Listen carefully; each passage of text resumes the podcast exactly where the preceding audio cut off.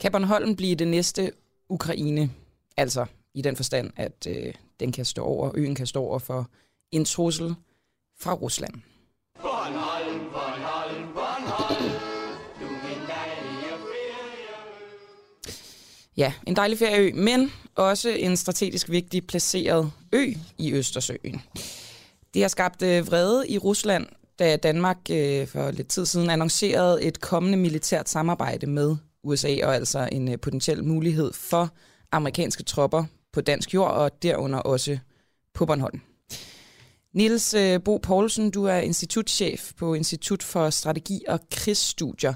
Hvad kan konsekvensen blive, hvis der skulle komme amerikanske tropper på Bornholm? Og godmorgen.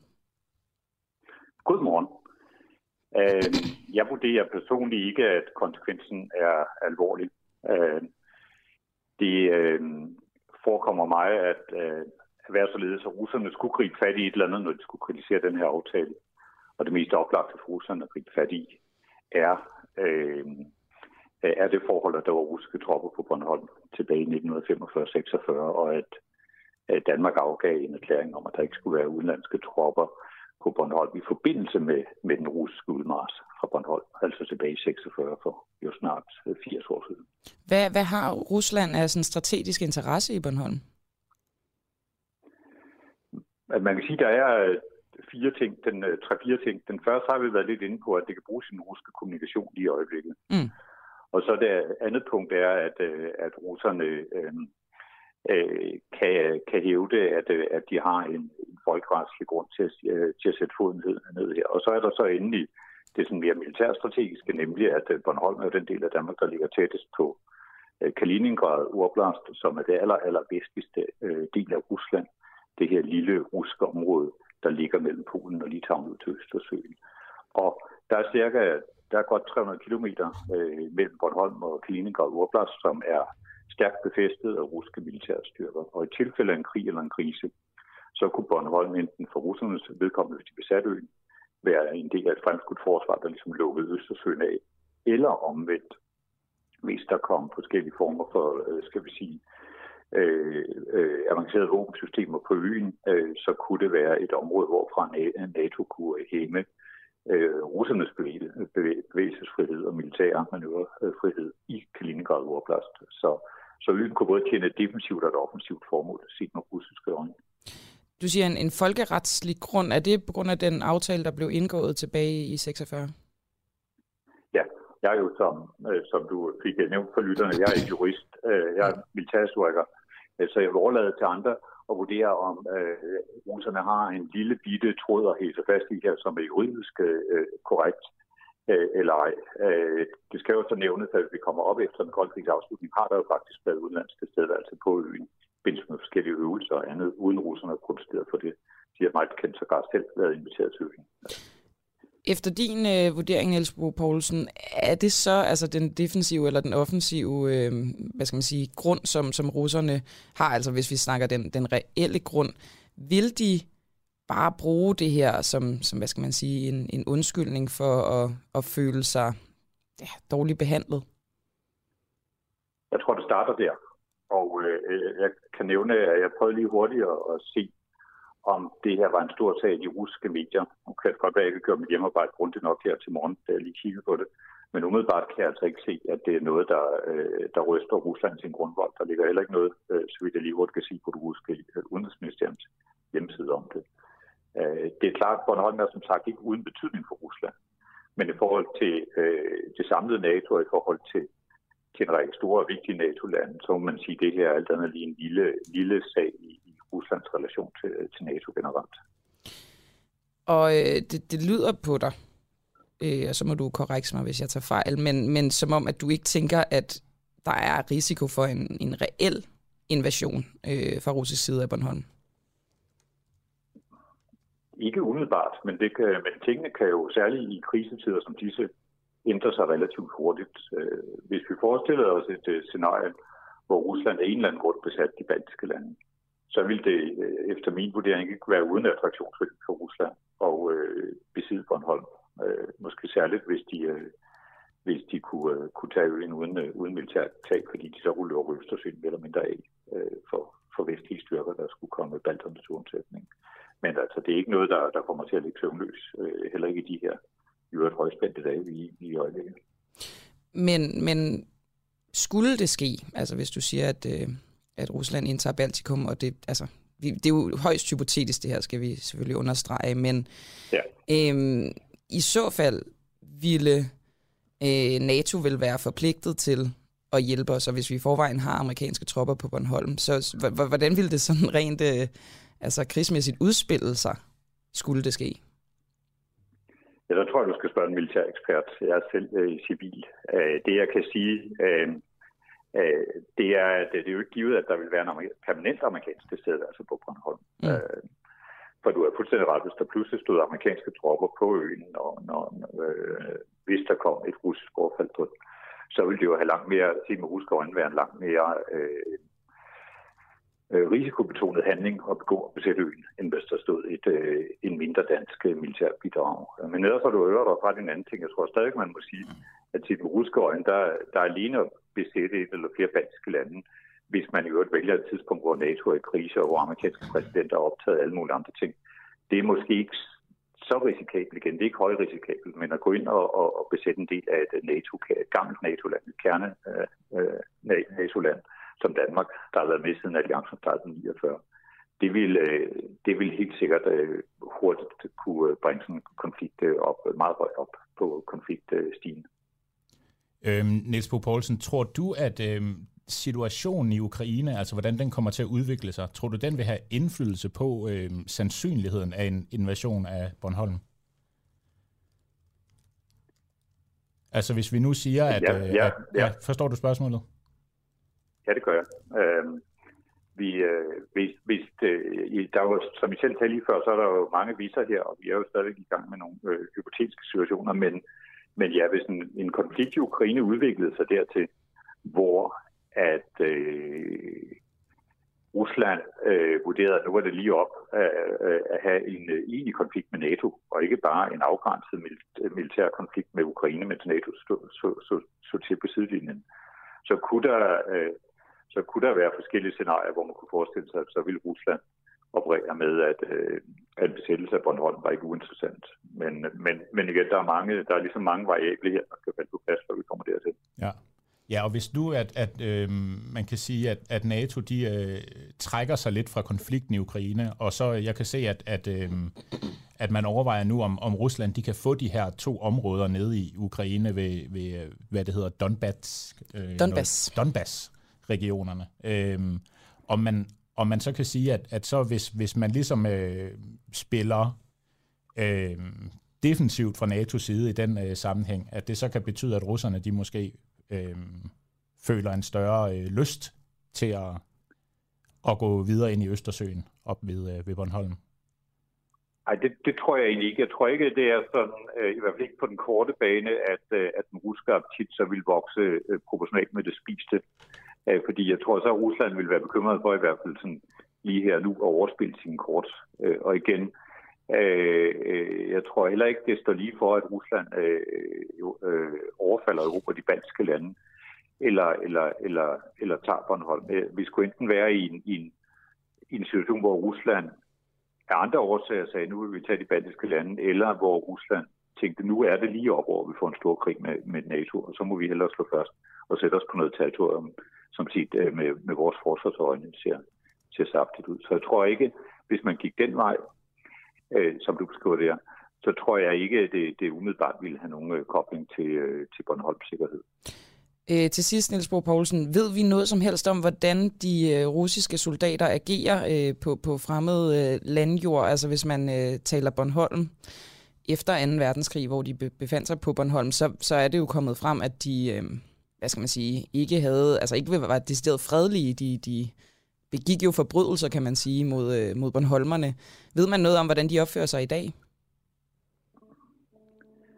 Jeg synes, øh, at øh, øh, det er sådan meget, meget lang, eller meget hurtigt fra, fra, fra, fra 45-46 på Bornholm og til i dag. Det var jo mm. sovjetiske soldater, der var kommet lige ud af 2. verdenskrig, mm. og som i, i betragtning af, af krigens helt umådelige grusomhed og brutalitet, sådan overordnet set faktisk opført sig, øh, jeg vil måske ikke sige bedre, end man kunne forvente, men i hvert fald så godt, som man kunne forvente øh, på Bornholm, trods de øh, utilgivelige voldtægter, mm. øh, der fandt sted på øen.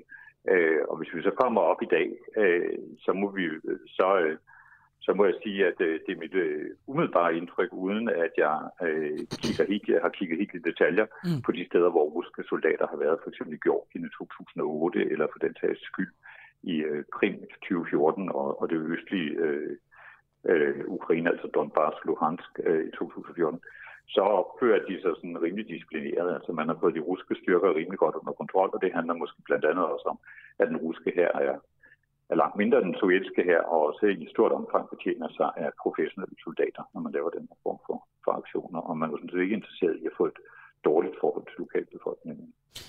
Tusind tak, fordi du var med, Niels Bo Poulsen, institutchef på Institut for Strategi og Krigsstudier ved Forsvarsakademiet. Selv tak. Og godmorgen til jer derude. Godmorgen, Mads Bjergaard, som sidder ved siden af mig. Godmorgen, Camilla Boraki. Klokken den er 7 11 cirka. Og øh, Mads, hvad øh, har du, øh, har du noget, du lige kan sige om, hvad vi har på programmet i dag? Jamen, vi har en masse mere med øh, Ukraine-Rusland-konflikten på, øh, på tapetet i dag. Altså, vi, øh, vi har blandt andet et interview nu her om 10 minutter, hvor vi går lidt mere i dybden med, hvad det egentlig er, der øh, foregår øh, i din mm, de russiske medier og de russiske tanker. Måske kan, vi, måske kan vi komme lidt mere ind under huden på Putin og prøve at finde lidt ud af, hvad det egentlig er, der, øh, der foregår i øh, hans sang. For det kan være lidt svært, tænker jeg, at finde ud af præcis, hvad øh, hans agenda egentlig er. Ja, og så skal vi også snakke med øh, informationskorrespondent i Tyskland, Mathias Sonne, og det glæder mig rigtig meget til. Fordi Olaf Scholz, han jo har været både i Ukraine og, øh, og også øh, haft møde med Putin, og jeg personligt undret mig en lille smule over, at Tyskland ikke bruger Nord Stream 2, altså den her gasledning, som står over for at skulle åbne øhm, som en presbold på Rusland. Det, det vil jeg gerne lige høre. Hvad, hvad er grunden til det? Ja, det virker lidt mere som om, det er den anden vej rundt, ikke? At lige det præcis. er Rusland, der bruger den mod Tyskland. Lige præcis.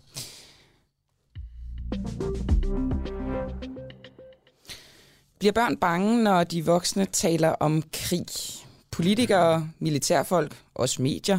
Vi øh, spekulerer jo hver eneste dag i de her dage øh, i, hvorvidt Rusland kommer til at invadere Ukraine, og om det fører til en større krig mod Vesten. Og øh, krig fylder altså også i bevidstheden hos børn, som ringer til børnetelefonen. Ida Hilario Jønsson, du er børnefaglig konsulent i Børns Vilkår.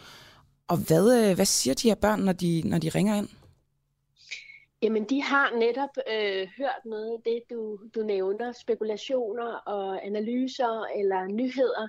Øh, så har de hørt et eller andet, øh, som så er blevet til store bekymringer, og, og børnene er blevet bange for, om der kommer krig i Danmark eller en tredje verdenskrig.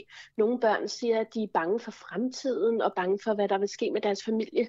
Så det er noget af det, øh, de henvender sig til os med. Og hvor, hvorhen har de typisk, øh, er de typisk stødt på de her spekulationer? Jamen, det kan være meget forskelligt. Øh, nogle fortæller, at de har hørt det i radioen, eller set billeder af det, eller, øh, eller andet. Det kan også være, at de har hørt nogle voksne eller børn i klassen snakke om det. Og så er der altså også nogle børn, der ser videoer på TikTok og YouTube og andre steder om øh, Ruslands øh, atomvåben og alt muligt andet. Så de, børn, kan man sige, børn og unge kan være eksponeret i høj grad for nyheder i alle mulige forskellige former. Øh, ja, så det kan være svært at, at skærme dem fuldstændig fra det. Og øh, nu vil jeg gerne lave et, et, et lille rollespil, egentlig ikke for, at det skal blive fjollet, men for, at det skal blive konkret i det. Altså, så hvis jeg nu leger, at jeg er et, øh, børn, et barn, som ringer op og siger, jeg, jeg er hammerne bange for, at der bliver krig i Danmark, hvordan svarer du mig så? Så vil jeg prøve at høre, hvad, hvad, hvad det er, du har, hvor, den frygt er kommet fra, og hvad er det, du har hørt? Vil du fortælle mig lidt om, hvad det er, der har gjort dig så bange? Og så siger jeg, at jeg ser billeder, og jeg ser billeder af soldater, og min mor og far snakker om det hele tiden. så kan jeg godt forstå, at du er blevet bange. Og det kan også være nogle ubehagelige billeder, og se, at de kan måske være svære at få ud af hovedet. Og har du talt med dine forældre om, at, de faktisk, øh, at du faktisk kan høre alt det, de taler om? Ja, det har jeg. Og de siger, at det, det er voksensnak, det skal jeg ikke tage mig i. Ja, men det er måske også noget, de siger, fordi de tænker, at det skal du ikke tænke på. Men lige nu tænker du jo på det, og derfor tænker jeg også, det er rigtig vigtigt, at de snakker med dig om det, så du kan få dine tanker og bekymringer ud af hovedet. Er der grund til, at jeg er bange? Som du gør her. Jeg kan i hvert fald godt forstå, at du bliver bange, for det fylder rigtig meget i nyhederne lige nu. Men det vi får at vide er jo i hvert fald, at risikoen for, at der kommer øh, en krig, i hvert fald i Danmark, den er meget lille. Og der er rigtig mange mennesker i hele verden, der arbejder for, at det, det ikke skal blive til en krig. Og nu hopper jeg lige ud af, af rollespillet igen, Ida. Øhm, så klaret. Tak skal du have lige mod. Hvad, øhm, fordi nu vi, hører vi jo også her, at forældrene jo ligesom har et, et, et ansvar øh, i dialogen med, med deres børn. Så hvad vil I råde forældrene til, hvis deres børn ligesom øh, øh, spørger, om der er krig på vej?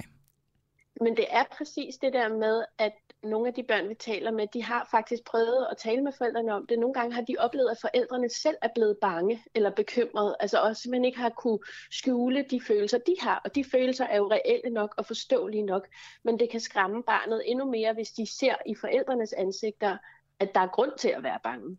Og det kan så også være, at forældrene har sagt, det skal du ikke tænke på. Men det fjerner jo ikke de bekymringer og den frygt, barnet har. Så det, der er det vigtigste, er i virkeligheden ikke nødvendigvis de enkelte svar. De, de, det, det, der er vigtigt, er, at øh, man, man viser, at man er klar til at lytte, og at barnet kan komme med de tanker og bekymringer, de har. Og altså, jeg, jeg står og tænker på sådan, må, må børn ikke godt kende til virkeligheden i virkeligheden? Altså, er det, er det måske ikke bare sådan, at man skal fortælle dem, selvfølgelig børnesprog, men sådan, hvad, hvad er der helt konkret er, der, er, der foregår? Jo, der er ikke, der er, det er heller ikke fordi, at vi er ude og sige, at øh, man skal skærme børn fuldstændig fra virkeligheden, eller lyve, eller og det er nok også svært fuldstændig, som jeg sagde i starten, at skærme børn for alle de nyheder eller ting og fragmenter, de hører.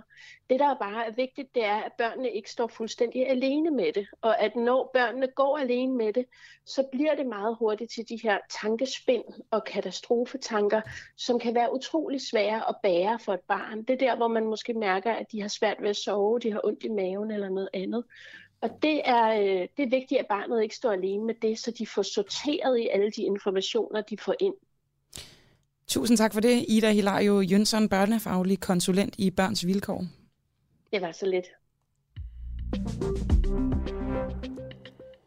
Ja, så kan jeg jo lige sige også, at i forlængelse af øh, det interview, vi først øh, havde med Niels Bo Poulsen, øh, som er øh, Øh, institutchef for Institut for Strategi, Strategi og Krigsstudier ved Forsvarsakademiet, at øh, Morten Bødskov, og det handlede om øh, Bornholm og den, øh, de mulige amerikanske tropper på Bornholm.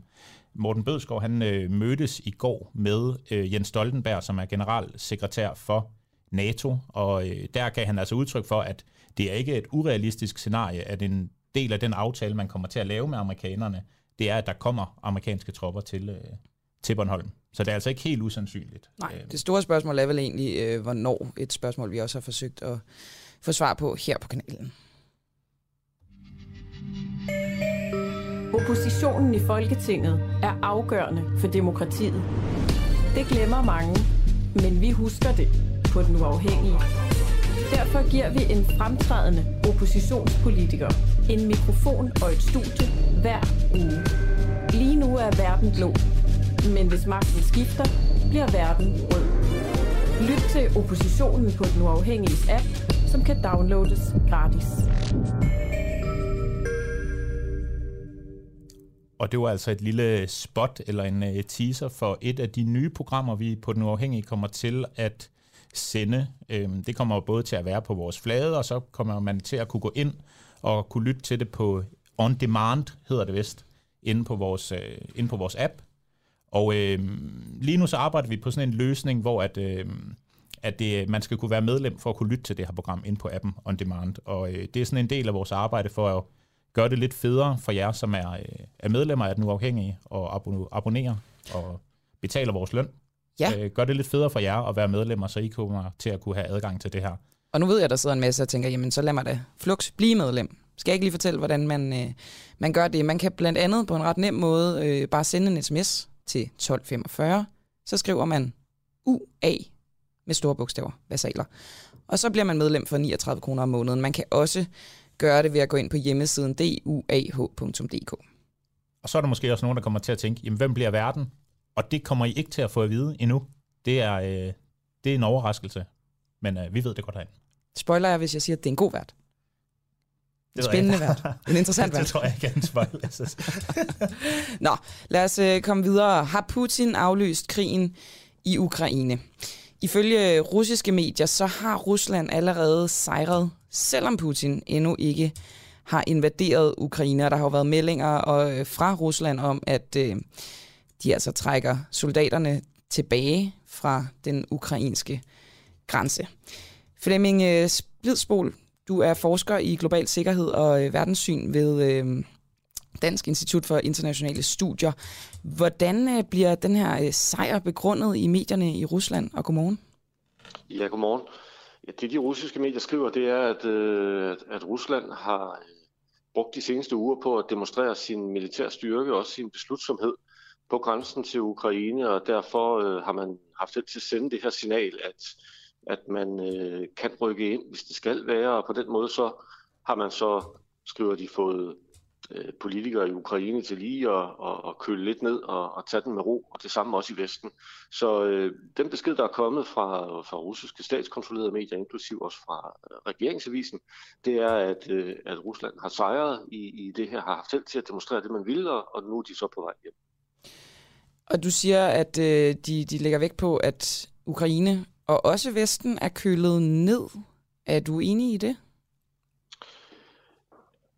At Ukraine og Vesten er kølet ned? Mm. Øh, nej, jeg mener ikke, hverken Ukraine eller Vesten har været specielt øh, ophedet. Mm. Øh, så så, så, øh, så det, det er jeg ikke enig i. Men øh, det er jo en del af den russiske fortælling. Det er, at ukrainerne står klar til at, øh, at erobre øh, de to udbryderregioner i det østlige Ukraine, støttet af, af Vesten, herunder også med støttet af amerikansk øh, militært udstyr. Og så en anden stor fortælling er jo, at øh, vi i Vesten øh, er ret vilde efter at få Ukraine ind i NATO for eksempel. Og, øh, og der er det også en del af fortællingen i Rusland, at det har vi lige, øh, altså russerne har lige øh, fået os til at slappe af med det og, og, og ligesom gentænke, om det jo nu også er en god idé. Flemming, du har, du har tidligere øh, meldt ud, at der var 25% chance for krig. Hvad, hvad er det sådan helt konkret, der nu har gjort, at, øh, at du siger, at vi er nede på, øh, på 5%, som du siger i dag? Det er, at, øh, at de russiske medier og russiske politikere indikerer, at øh, de har allerede opnået det, de gerne ville. Og når jeg talte om 25 procent, og nu igen om 5 procents krig, så er det jo det, vi kalder den store krig. Det er jo vigtigt at huske på. Altså når vi taler om krig i Ukraine, er det vigtigt at huske på, at der er krig i Ukraine. Mm. Og der har været krig i Ukraine i knap 8 år. Der er cirka 14.000 mennesker, der er døde. Der er krig hver eneste dag. Så på den måde er det jo lidt underligt, at vi sidder og taler om, at der kommer krig, for der er allerede krig.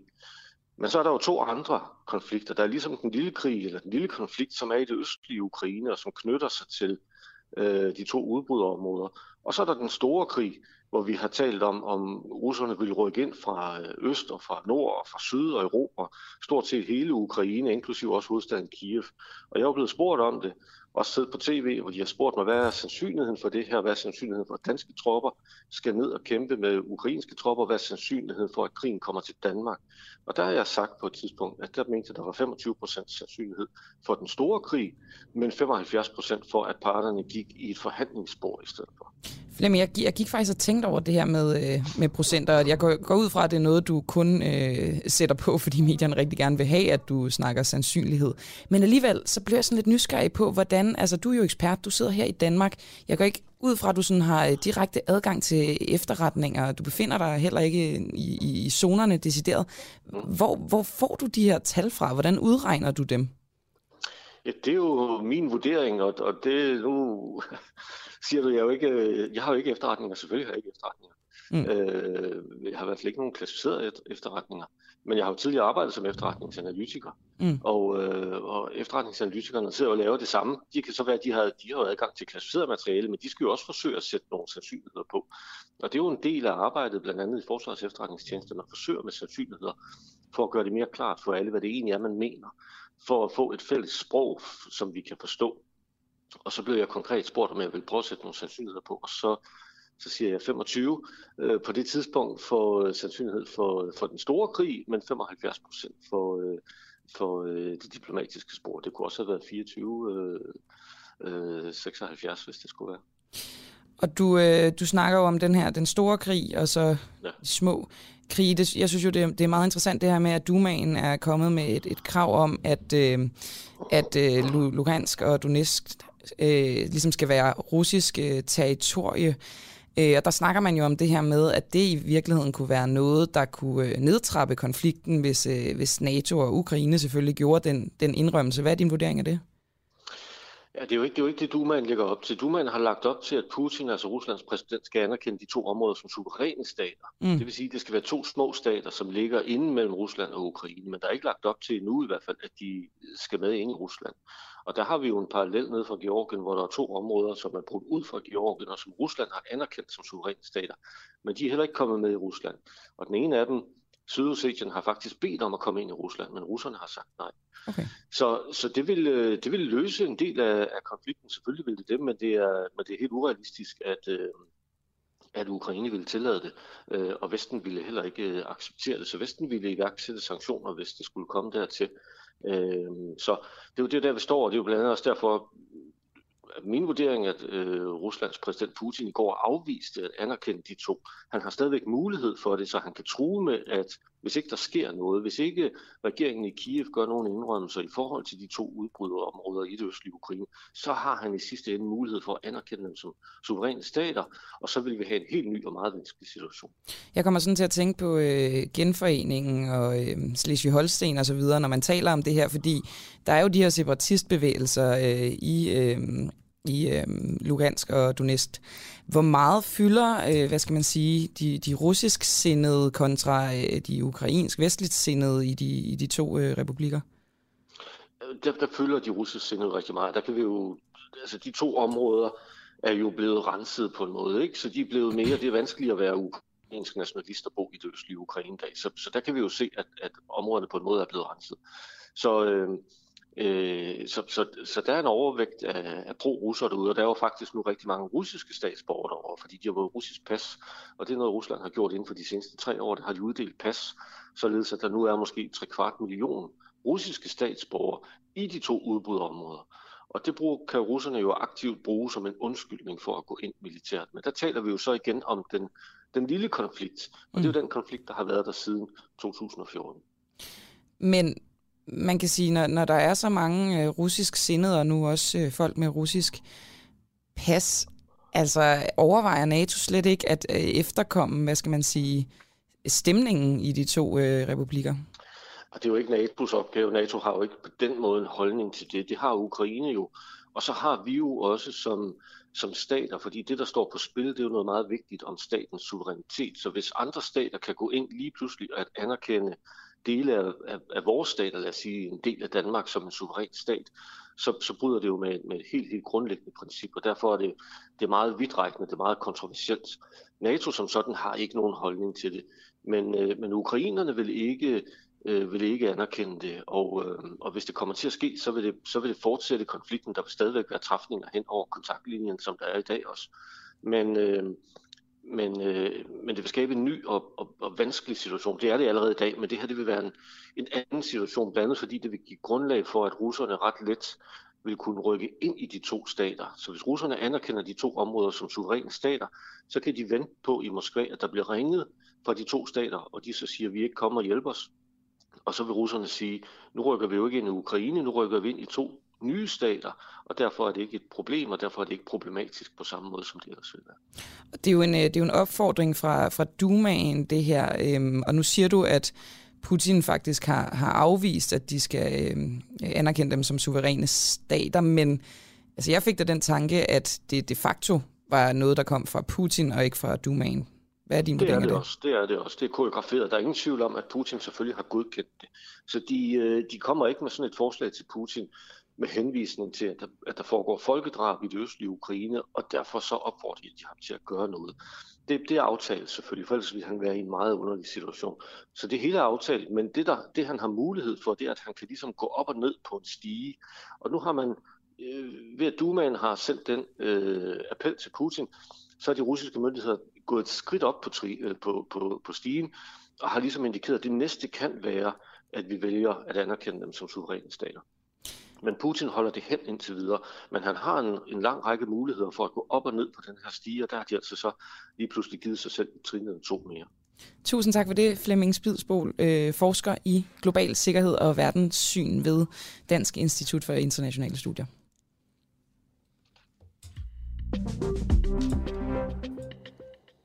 Man kunne godt få den øh, opfattelse, tænker jeg, at når, fordi nu har jeg har lige været inde og kigge på øh, både på Ekstrabladet og TV2's øh, hjemmesider, og der står der en stor nyhed om, hvordan, øh, at det er fra Ritzau, om hvordan der er skyderier øh, fra ukrainsk side nede i den her region, at øh, ukrainerne de skyder på de russiske øh, oprør. Men det lyder lidt som om, at det ikke er en nyhed så. Nej, altså jeg tror, der, der har jo været konflikt i mange år dernede i hvert fald. Ja, nemlig. Og det er hver dag, siger, øh, siger Flemming jo. Altså jeg øh, tror, det, det nye er, at Putin øh, hidtil har været lidt blødere i sin formulering om, at der foregår folkedrab. Og det har han altså i går været sådan ret klar i mailet om på et, øh, et pressemøde med Olaf Scholz, at det er folkedrab, der foregår dernede, siger Putin i hvert fald. Så måske er det det, der er de facto nyheden. Ja. Og vildt nok, hvordan han ligesom har sådan en... Øh, altså Putin får hele... Øh, det vil svare til Mette Frederiksen. Hun fik Folketinget til ligesom at, at lave en... Øh, en anmodning, som hun så kunne afvise. Det er vildt, hvordan han ligesom har styr på, på bare hele det politiske system i Rusland. Er den danske folkekirke blevet for frisindet, er et spørgsmål, vi har øh, stillet, øh, i hvert fald i tirsdags her i programmet. Øh, LGBT plus miljøet øh, protesterede nemlig i weekenden over, at den nyansatte sovnepræst i Hedensted Kirke, Michael Olesen, ikke vil vige homoseksuelle og heller ikke fraskilte i øvrigt. Og i tirsdags der snakkede vi med Lasse Iversen, som er præst i Christianskirken i Aarhus, som heller ikke vil vie homoseksuelle. Og nu skal vi tale med Jens Ole Christensen, som er præst i øh, Fredens Nazaretsovn i København. Og øh, Jens Ole, hvad er den primære grund til, at homoseksuelle ikke kan blive videt hos dig, og godmorgen? Jeg skal måske før, godmorgen. Først skal jeg måske sige, hvad grunden ikke er. Altså grunden er ikke, at jeg ikke kan lide homoseksuelle mennesker jeg øh, kender homoseksuelle mennesker, som jeg synes er enormt inspirerende og dejlige at være sammen med. Undskyld Jens Ole, kan du måske ja. skrue lidt op for din øh, telefon? Eller er den på max? Ja, det. Det, er, det, det gjorde det faktisk. Godt, ja. ja, tak. Undskyld. Det er nok telefonen, der er morgensøvende. Uh, det, jeg først har brug for at sige, hvad der ikke er grunden. Altså, grunden er ikke, at jeg ikke kan lide homoseksuelle mennesker. Øh, jeg kender homoseksuelle mennesker, som jeg faktisk synes er enormt inspirerende og dejligt at være sammen med, og som jeg er på klus med. Så det er ikke det, der er problemet. Problemet er, at øh, vise af mennesker af samme køn er en vare, som kirken simpelthen ikke kan levere, hvis det skal være overensstemmelse med sit eget grundlag. Det er hovedproblemet. Og det hænger sammen med Bibelen, og det hænger sammen med kirkens bekendelse og tradition.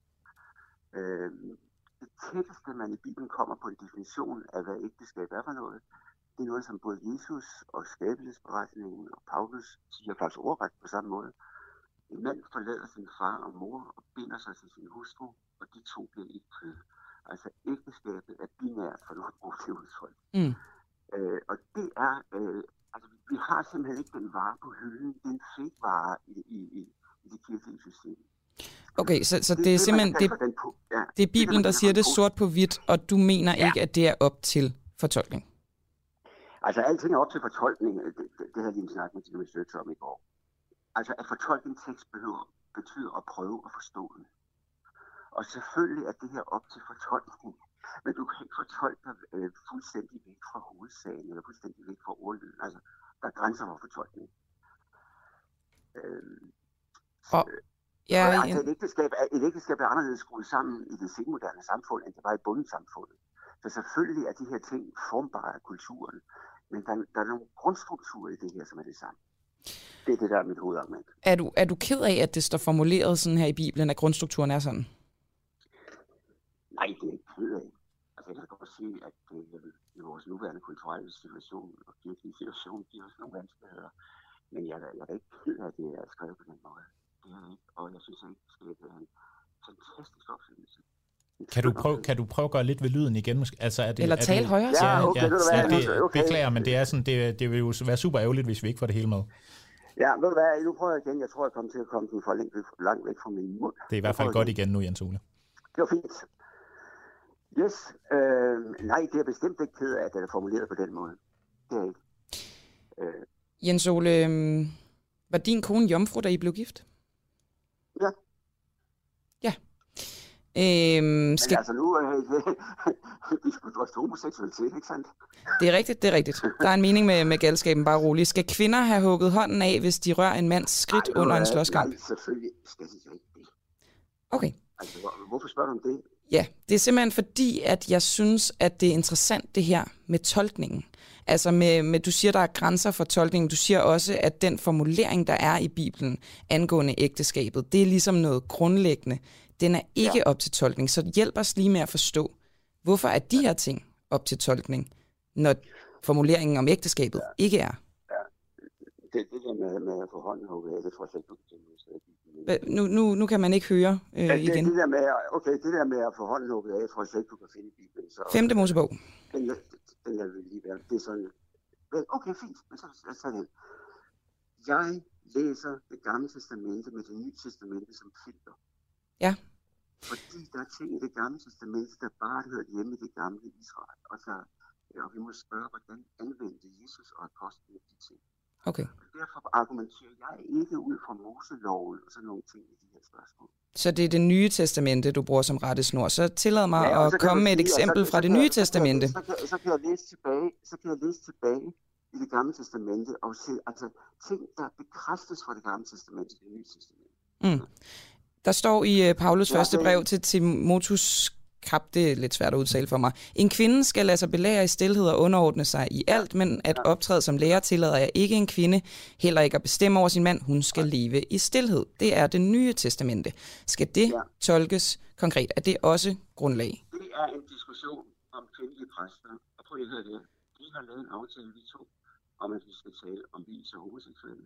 De andre spørgsmål kan vi drøfte ved andre lejre. Men det er simpelthen for at forstå, altså, hvor, hvor er grænsen for tolkningen? For mig, ja, en point for mig lige nu er, at vi skal overholde den aftale, vi indgået om, hvad der er vi drøfter. Men jeg kan ikke forstå, at det ikke er en del af aftalen, når det, vi snakker om ting, der står i Bibelen, hvordan det skal tolkes, så må det jo gælde for hele Bibelen. Også for at få os til at forstå, hvad er det, der er det særlige ved, at man ligesom tager det konkret, tolker det konkret, når det kommer til ægteskab. Det er ikke spor særligt.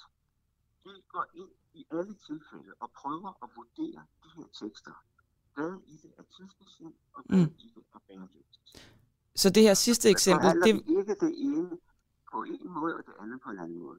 så, så det, der, det, der afgør det, det er, om det ligesom har, øhm, hvad skal man sige, kan, kan gøre sig gældende i den tid, vi lever i. Ja, lige præcis.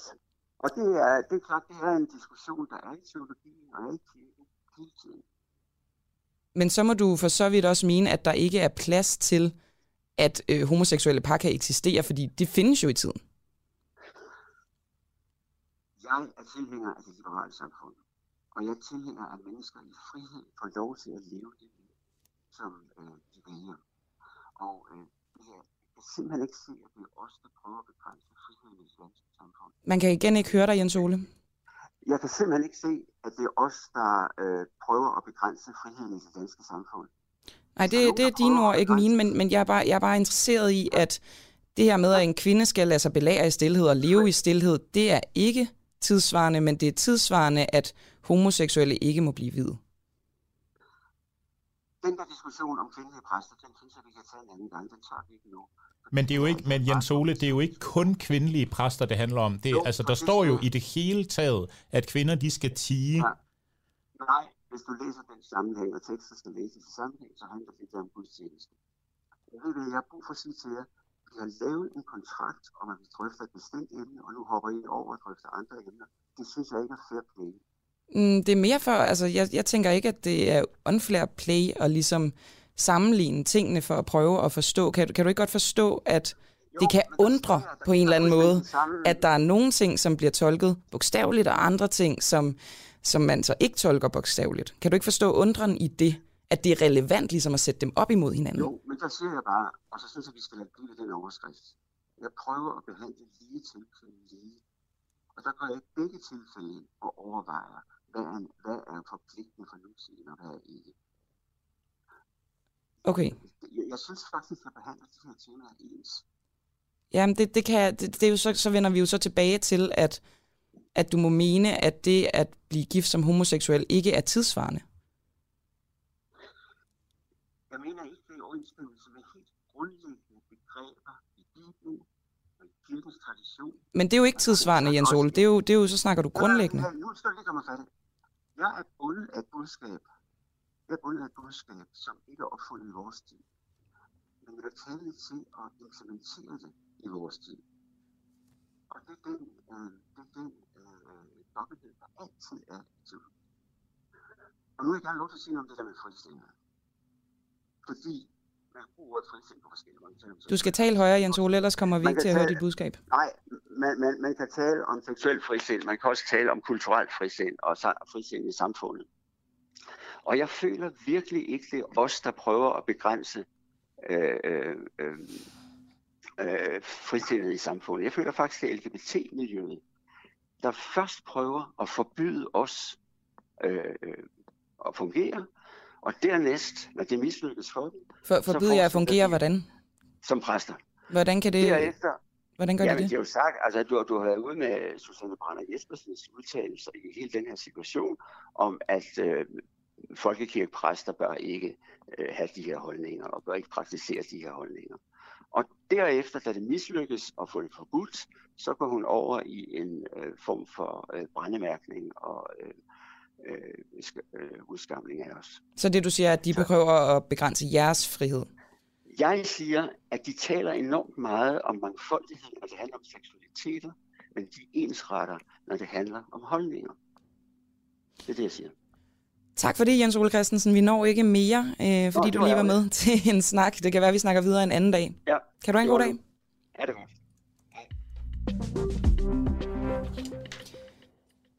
Og så skal vi til noget med debatkultur. Egentlig måske meget apropos. Kan danske medier ikke holde en øh, debatkultur, hvor der er plads til kvinder? Kritikken og øh, tonen og de tæsk, man får, altså i gåsøjne, det er, jo, det er jo ikke konkrete tæsk, men det er verbale tæsk, øh, når man er i den offentlige debat, det har fået meningsdanner og øh, radiovært Anne-Christine Kramon til simpelthen at øh, kaste håndkædet i ringen, i hvert fald for nu, som klummeskribent på Berlingske. Og øh, på Facebook, der fortæller Anne-Christine Kramon om øh, både sjofle og grove og sexistiske kommentarer, og også decideret chikane, og hun peger på, at det øh, er et øh, problem, som mange kvindelige debattører i den offentlige debat kan tale med om. Og hvem har så ansvaret for, for det her? Det er måske ham, som vi skal tale med nu. Han hedder Pierre Collignon og er debatredaktør på Berlingske. Og Pierre, hvilke kvindehadske ting skriver Berlingskes læsere til Anne-Christine Åh, Oh, øh, jamen, det er jo svært at sige for mig, fordi øh, der, jo, øh, der foregår jo, øh, øh, der kommer reaktioner på alle mulige kanaler. Nogle af dem kan vi se, nogle af dem kan vi jo ikke selv se. Jeg tænker øh, jeres så, kanaler. Ja, altså, og der, der, der kan jeg jo se i hvert fald, hun har noget af det, vi har filtreret fra og, og slettet, der har været sådan nogle øh, generelt øh, fordomsfulde udsagn om, at øh, sådan alle kvinder også bare er sådan nogle klynkehoveder og der er også nogle seksualiserede øh, udsagn, som, som simpelthen er upassende for, for den sådan, tone, vi gerne vil have øh, i vores debat, tror Og hvad, hvad gør I konkret for at, at, at få den rigtige tone at undgå den, den tone, du snakker om her? Jamen det vi gør konkret er, er jo at forsøge at moderere sådan en debattråd ved at øh, fjerne ting, og så skal man så også vise, at man er til stede, og det kan man så diskutere, om vi har været godt nok øh, i nogle af de tilfælde her, hvor vi har delt. Mener du, I har gjort det godt nok? Jeg synes her, vi skulle have, der er nogle af de der tråde, jeg har været tilbage og kigge på, øh, efter at øh, anne Christine var holdt op, at, øh, at der skulle vi have været mere tydeligt til stede på den måde, at, at man skulle vise, at man har været inde og moderere, og også øh, skrive for eksempel sådan en meddelelse øverst i sådan en tråd, med en opfordring om at lige at holde den gode tone og henvise til vores retningslinjer. Pierre, du er jo... Der er et par øhm, tråde, hvor vi ikke gjorde det. Du er jo en, øh, en gavet debatrotte, tillader mig at sige det. Så, så du jo. ved jo også godt, at, at tonen kan blive hård, og det har du nok også bemærket med sociale mediers indtog. Hvor mange gange har du tjekket ind med Anne-Christine Camon i den tid, hun har været indsat, om hun er, eller ansat, undskyld, om hun har været okay? Mange gange? Det ved jeg ikke, det kan jeg ikke rigtig tælle. Altså, men hvad, hvad tænker du på? Altså, jeg har øh, forsøgt at ringe til hende, og jeg har lige sendt hende en mail om... for en måned siden. Ja, okay. Ja. Det har du gjort så for en måned siden. På? Jamen, jeg tænker på, om, om du sådan Altså, det er dine medarbejdere, ikke også? Øhm, hvor, hvor mange Nej, gange det, du... det er ikke en medarbejder, trods alt. Nej. Altså, jeg har jo, der er rigtig mange debattører hos os. De er jo ikke ansat. Nej, nej, men de er tilknyttet, kan man sige. Klart. Og øhm... jeg er øhm. redaktør, og, og den, den relation, som, som er anderledes end at være chef for en. Jeg kan ikke instruere uh, Anne-Christine Kramon eller Pelle Dragsted eller Søren Pind til at gøre noget bestemt. De nej, nej, nej. Jeg, jeg tænker mere sådan i forhold til, det er jo i din interesse, kan man sige, at tonen bliver af, af en øh, savlig art, Klar. og der er det måske altså relevant, at både dine debattører har det godt, men også lige at tjekke ind, hvordan de mener, at tonen er. Så hvor mange gange har du tjekket ind med Anne-Christine Carmon, mens hun har været tilknyttet Berlingske? Jamen, jeg, jeg har jo talt med uh, Anne-Christine måske 100 gange. Altså, så, så det, og skrevet med hende, og det, altså, hun har jo været knyttet til Berlingske igennem 4-5 år med en afbrydelse, så var hun hos Liberal Alliance, og jeg var glad for at få hende tilbage. Så, så 100 gange, hvor du har spurgt, hvordan hun ligesom har det med, med tonen? Nej, ikke, men hvor vi taler sammen. Og der har ikke været problemer med tonen hele tiden. Mm. Og det er helt tydeligt her, hendes oplevelse er, at jeg ikke har været der godt nok for hende i, øh, i den seneste måned i hvert fald, og, øh, og det, tager jeg, det tager jeg jo til mig. Jeg tror, jeg har måske også undervurderet, hvad hun havde behov for. Øh, jeg har forsøgt at ranke ud, men, men det har ikke virket godt nok for Anne-Kirstine Kramon, og det, det respekterer jeg jo. Og, hendes oplevelse. Og hvad har I ellers af ansvar, Pierre Kjolling Fordi Anne-Christine Gramont, hun, hun siger jo, at når I vælger at lave tabloide overskrifter på hendes indlæg, så har I også et ansvar for at moderere tonen i kommentarsporet efterfølgende være ekstra opmærksomme. Øh, har I været det? Ligegyldigt hvordan overskriften ser ud, har vi et ansvar for at moderere, øh, hvis vi lægger noget ud. Øh, jeg synes ikke, vi laver tabloide overskrifter. og De, de tilfælde her, hvor vi taler om, øh, der er der jo tale om, at både overskriften øh, og den tekst, der er brugt, når vi lagde noget ud på Facebook, var direkte citater fra øh, Anne-Christine Cramons egen tekst. Men det er jo et valg, som også er et citat, der bliver taget ud af kontekst. Det kan jo sagtens være tabloid, selvom det er et citat. Ja, det, det, der, du har ret i, der ligger noget i valget. Det er jeg helt, helt med på. Øh, og selvfølgelig er der jo valgt citater, som også kan ikke til debat. Må jeg ikke lige dog, afbryde dig her, Pierre Kolding Jung, bare lige for at lytterne er med. jeg har nemlig ja. et, et eksempel på en artikel, ja. hvor at, øh, ja. man kan sige, at artiklens rigtige overskrift, det er Anne-Christine Camon. Det løber mig øh, koldt ned af ryggen, hver gang vi skal debattere fri abort. Mm. Og øh, overskriften på, øh, på Facebook-artiklen, den er så, da jeg lå på et badeværelsegulv og aborterede, mens den anden part i sagen ikke engang kunne holde sig vågen, og derfor lå og sov, vidste jeg, at jeg havde gjort det helt rigtige. Hvorfor ja. egentlig ikke bruge den i går så en rigtige overskrift? Ja, Begge sætninger er direkte citater fra teksten. Det, det synes jeg bare er vigtigt at sige, for der er ikke tale om, at man sidder fra redaktionens side og finder på noget, som skal gøre det vildere. Det er, det er citater fra teksten. Og at citere fra en tekst, man gerne vil promovere, er altså ikke øh, sådan helt uh, skørt at, at finde på fra, fra en redaktions side. Men du er da enig i, at den ene, altså Facebook-overskriften, er vel mere tabloid end artiklens rigtige overskrift? Ja, nu kalder du den Facebook-overskrift, men det var også den overskrift, vi brugte på forsiden af Berlingske.dk vi har tit forskellige overskrifter på, på forsiden, ligesom du kan have på forsiden af avisen en henvisning, og en af avisen er der så en anden overskrift på samme artikel. Øh, så det, det, er, det er den overskrift faktisk, der går igen. Altså den, der også har været på, på Berlingske.dk forside. Jeg synes, det er en dækkende overskrift for øh, det, som hun skriver om, hvor hun jo fortæller om en personlig oplevelse, samtidig med, at hun rejser en, en, en generel debat. Øh, men selvfølgelig kan man diskutere det valg. Mm. Det, øh, det, det kan man da.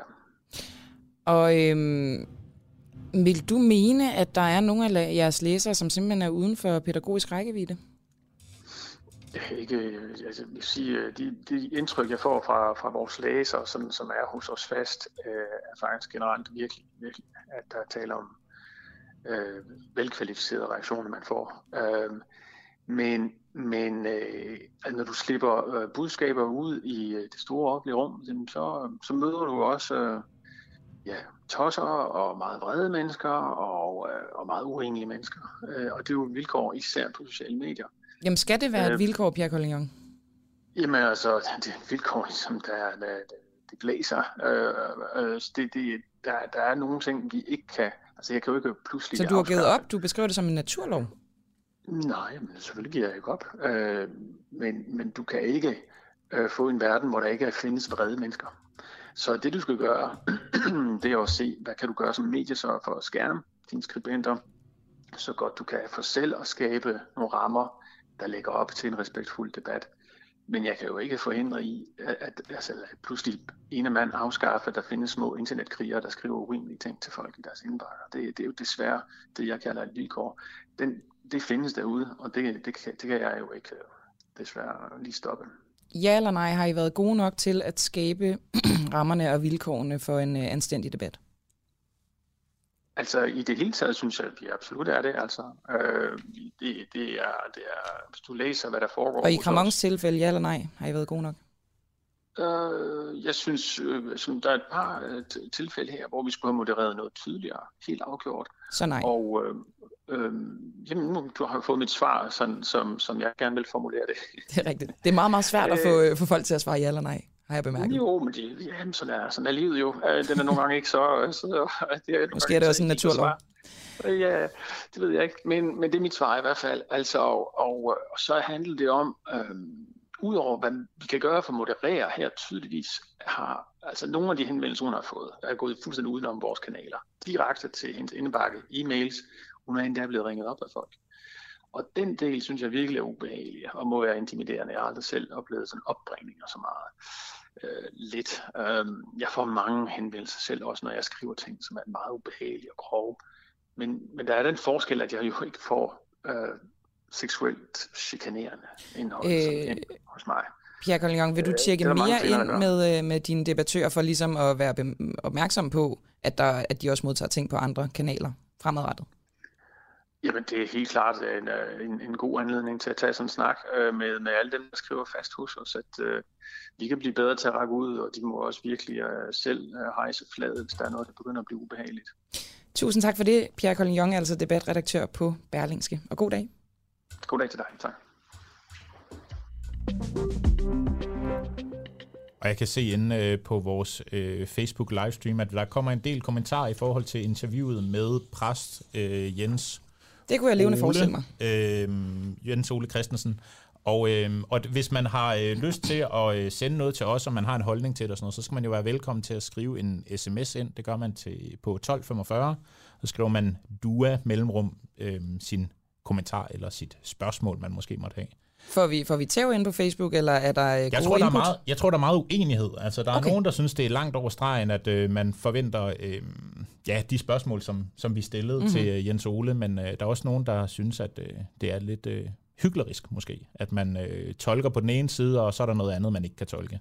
Det er godt. Altså bare øh, fuld gang i debatten lad os huske den gode tone, apropos det interview, vi, øh, vi lige lavede. Ikke? Yes. Og så skal jeg selvfølgelig, jeg skal lige beklage også, hvis der er nogen, der kan høre noget konstruktion eller et eller andet lidt forstyrrende i baggrunden, så er det simpelthen fordi, at vi har lidt øh, arbejde ude foran. Det, øh, det er selvfølgelig øh, beklageligt, men jeg tror ikke, det går så øh, stærkt igennem. Lad os håbe det. Så skal vi også i næste time tale med Henrik Ullum, og det er altså ham, der er direktør ved Statens Serum Institut. Det er ham, som man måske har set øh, stå øh, ved siden af Mette Frederiksen og øh, Magnus Heunicke til en masse af de her pressemøder.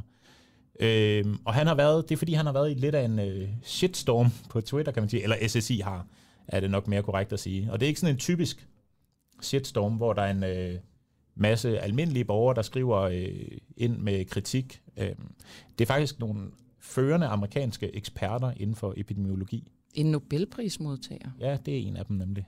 Øhm, og de synes, at den er helt gal med den danske genåbning efter øh, coronapandemien. Og så er SSI så selv gået ind og øh, korrekset det her og beskrevet det som, øh, som, som misinformation. Og det er jo ganske interessant. Jeg vil faktisk gerne have, at, øh, fordi jeg ved, det er noget, som går vores, øh, altså vores lytter går meget op i, Så, så skriv lige altså SSI kolon, og så øh, hvis I har nogle spørgsmål til Henrik Ullum i denne her forbindelse.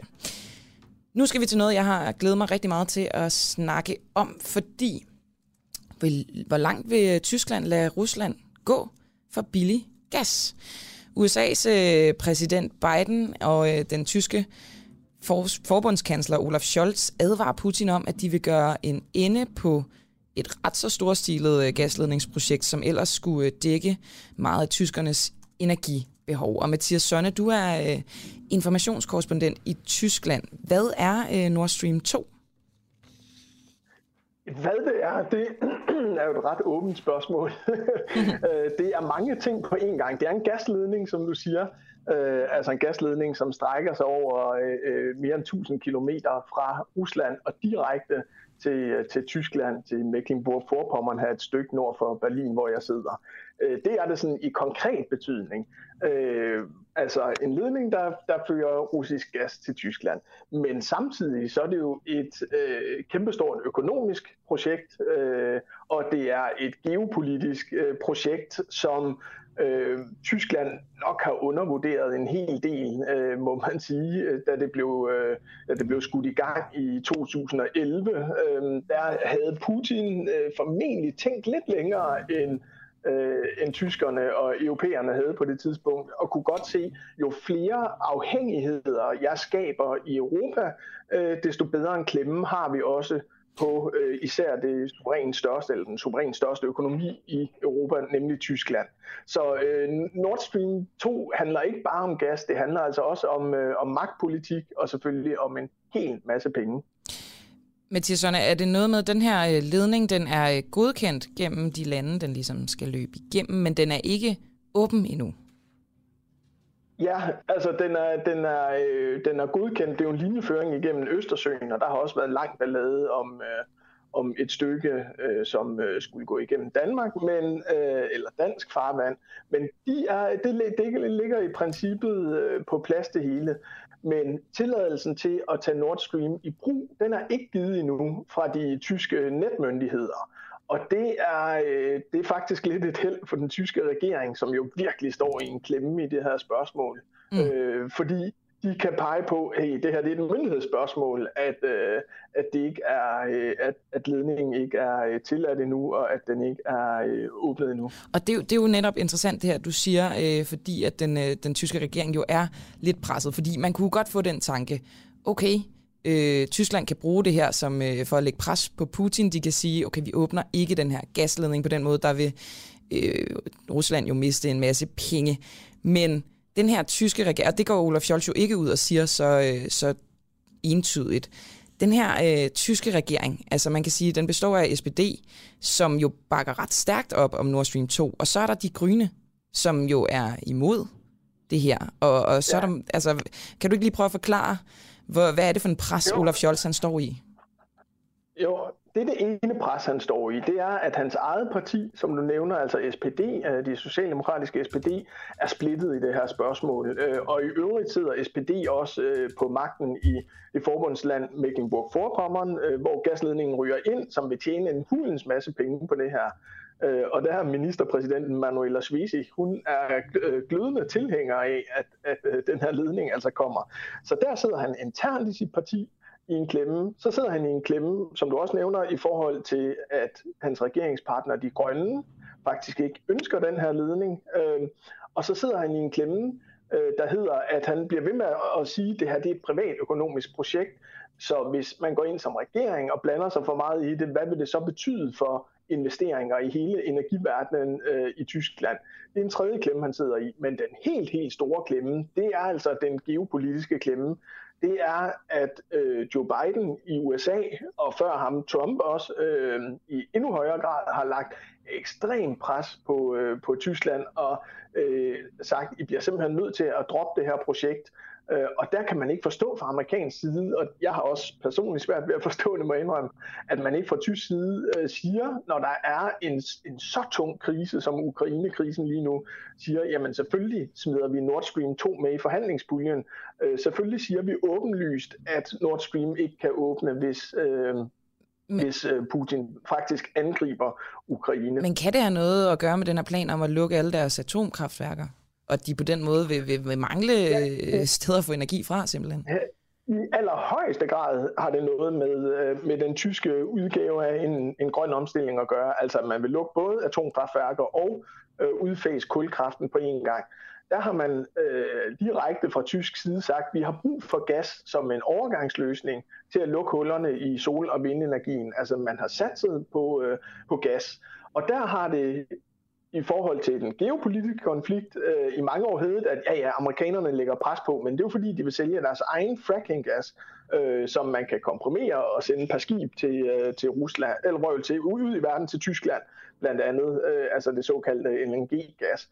Øhm, og der har man ikke i mange år ikke tænkt så meget på, hov, det er måske også fordi, vi skulle være mere uafhængige af Rusland, og selvfølgelig vil, vil USA også sælge sin gas, det, øh, det er åbenlyst, men der er altså også et, øh, et andet komponent, nemlig at det måske ville være smart at gøre sig mere, øh, mere uafhængig af Rusland. Og der er så også et, et komponent, som man, man ikke kan komme udenom, nemlig at det handler om, hvorvidt man pludselig holder op med at fyre så meget gas igennem Ukraine. Fordi meget af det gas, som vi får i Europa, øh, det, øh, det kører gennem Ukraine lige nu. Og det har jo været en, øh, både en indtægtskilde for Ukraine, men det har også været et magtmiddel i forhold til, at man kan åbne og lukke for, for gashanen. Øh, så, så det argument, det vil jo også falde, hvis russerne pludselig begynder at levere gas direkte til Tyskland og udenom øh, om Ukraine. Så øh, Nord Stream 2 er, jamen, det er, det er mange ting på én gang. Det er i hvert fald en øh, international politisk udgave af børnehavelejen Kludermor. Mathias Sonne, øh, tusind tak, øh, fordi du var med her, informationskorrespondent i Tyskland. Selv tak.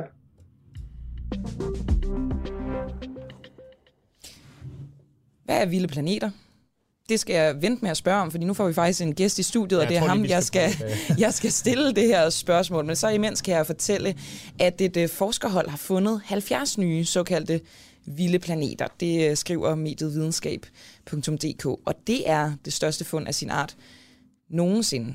Og det her forskerhold, det er fra det europæiske Sydobservatorium. Øhm, og ifølge videnskab.dk er det et vigtigt skridt imod øh, bedre at forstå, hvordan de her gådefulde mælkevejsvandrere er opstået. Man kan høre lidt undren i min stemme.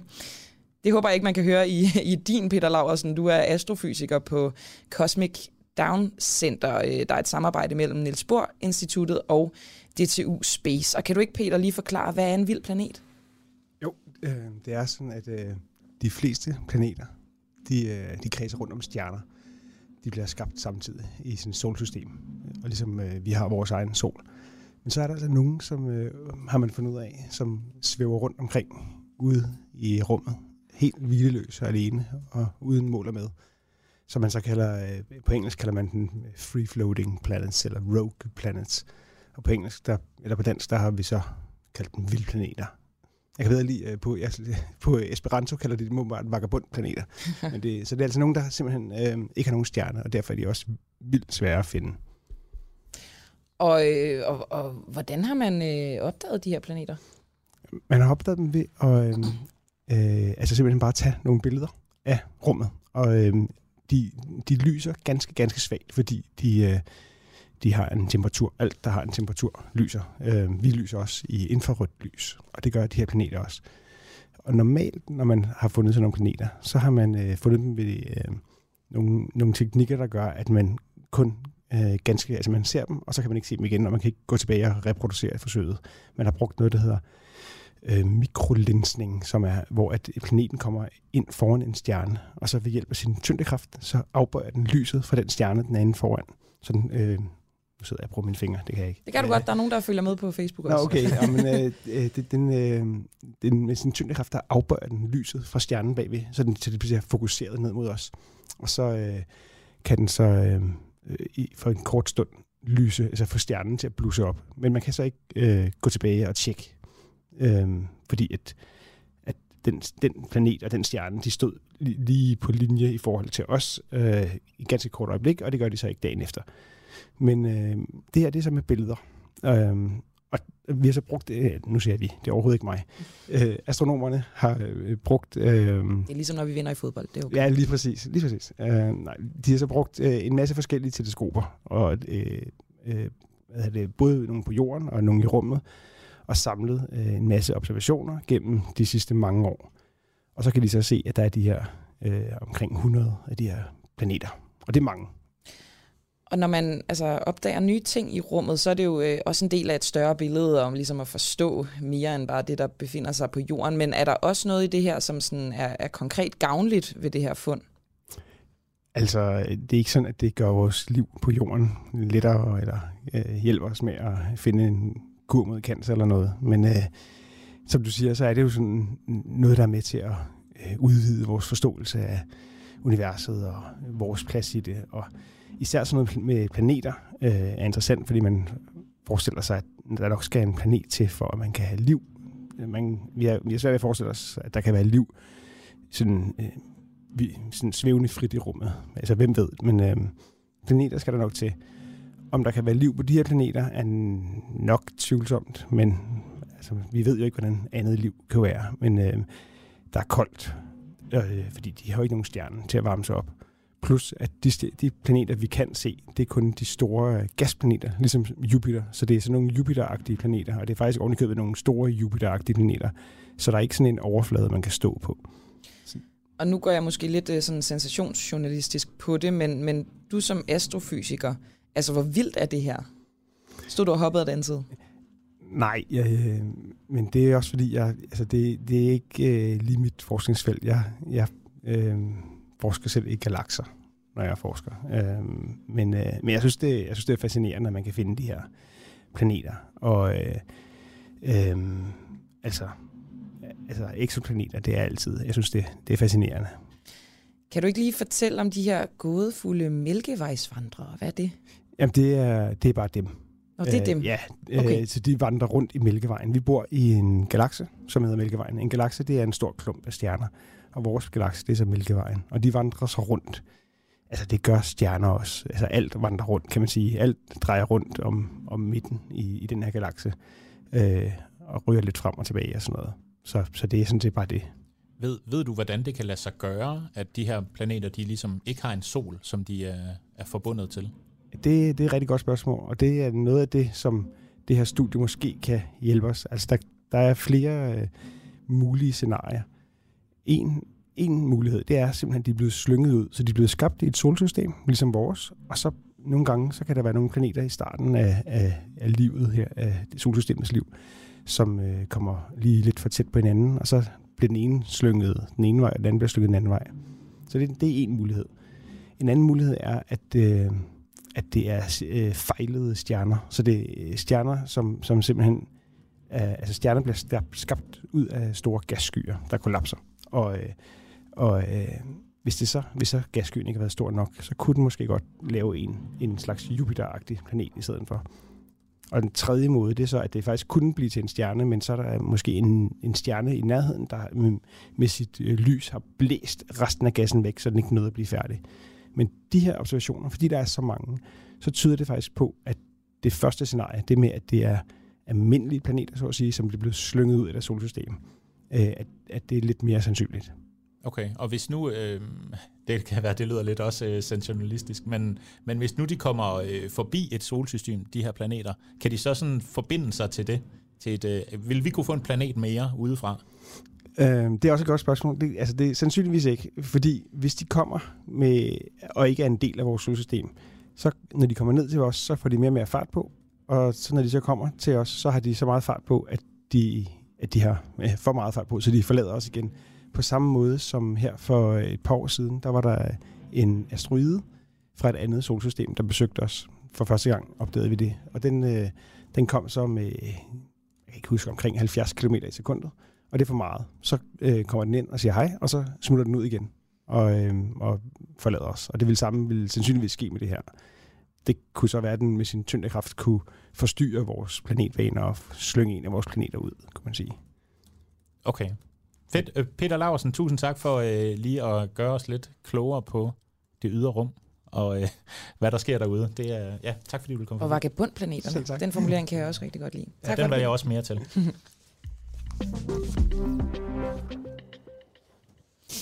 en ting, som øh, der optager danskerne, og i hvert fald de, de danske medier, en hel del, det er jo den her øh, skandale i Forsvarets efterretningstjeneste. Nærmere bestemt, at øh, Lars Finsen, øh, tidligere Forsvarets efterretningschef, han sidder varetægtsfængslet på anden måned.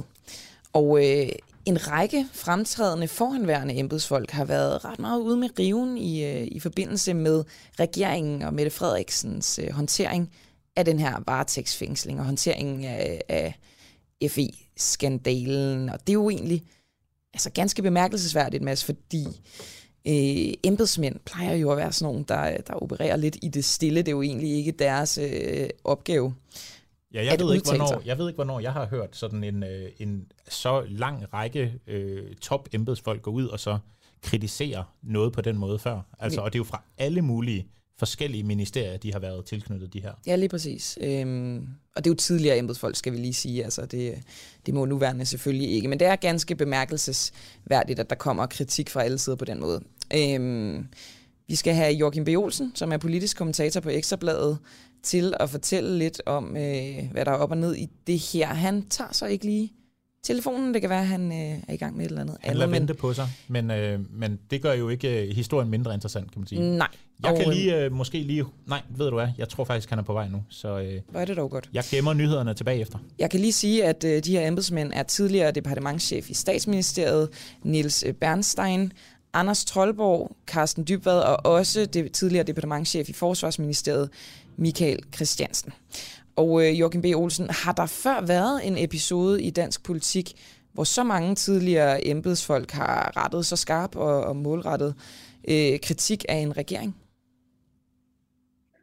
Nej, det, det har det simpelthen ikke. Det er meget, meget øh, usædvanligt og historisk. Okay, og, og altså, det, det vil jo så sige, at det her måske, at det ved jeg ikke, det kan du måske bedre svare på, at det øh, den største politiske skandale nogensinde? Ja, det er jeg så mindre sikker på. Øh, fordi øh, jeg synes stadigvæk, jeg mangler sådan et helt klart svar på, hvad var det, regeringen skulle have gjort her? Altså problemet er jo, at vi ikke ved, hvad, hvad, hvad de her mennesker er øh, blevet sigtet for helt konkret. Altså hvad er det, de har gjort? Og øh, så længe vi ikke ved det, så synes jeg, det er lidt svært at sige, hvad er det, regeringen skulle have gjort anderledes her. Der er selvfølgelig et spørgsmål om håndtering, men øh, kritikken går jo på, at de så ligesom skulle have fået sagen til lidt at gå væk. Altså skulle de have... Øh, ja, de siger det her med, at det skulle have... En anden stilling eller sådan noget, altså du ved. Mm. Men det er jo også lidt af en... Altså, det, det vil jo sige, at man sådan set beder regeringen om at skulle have blandet sig øh, i en sag, hvor at øh, der øh, er nogen, der ønsker at rejse en, en, en, en tiltal for, for at have øh, altså for, for, for landsforræderi. Jo.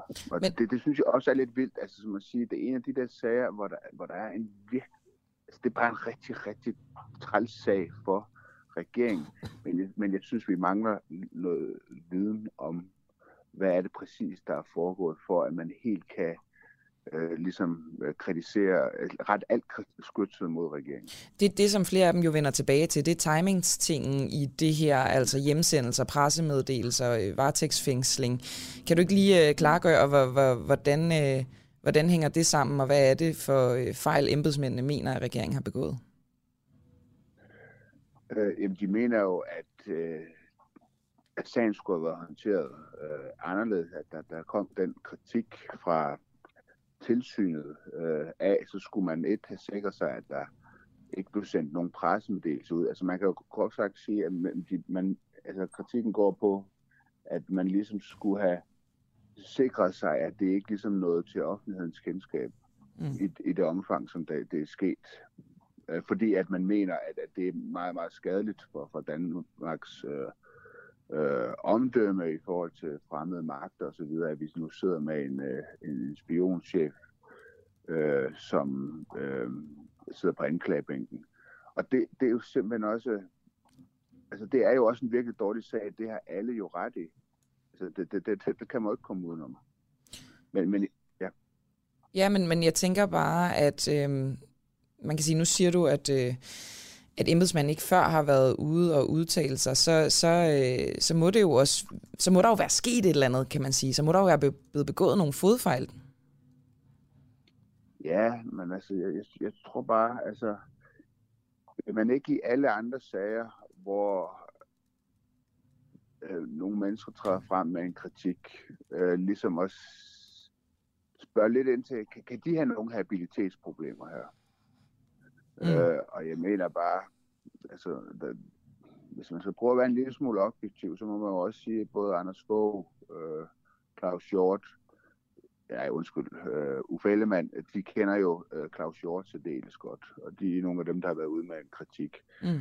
Det samme gælder jo så også de her øh, tidligere departementchefer, som er ude med en kritik nu. Altså, det er jo folk, der også kender Finsen personligt.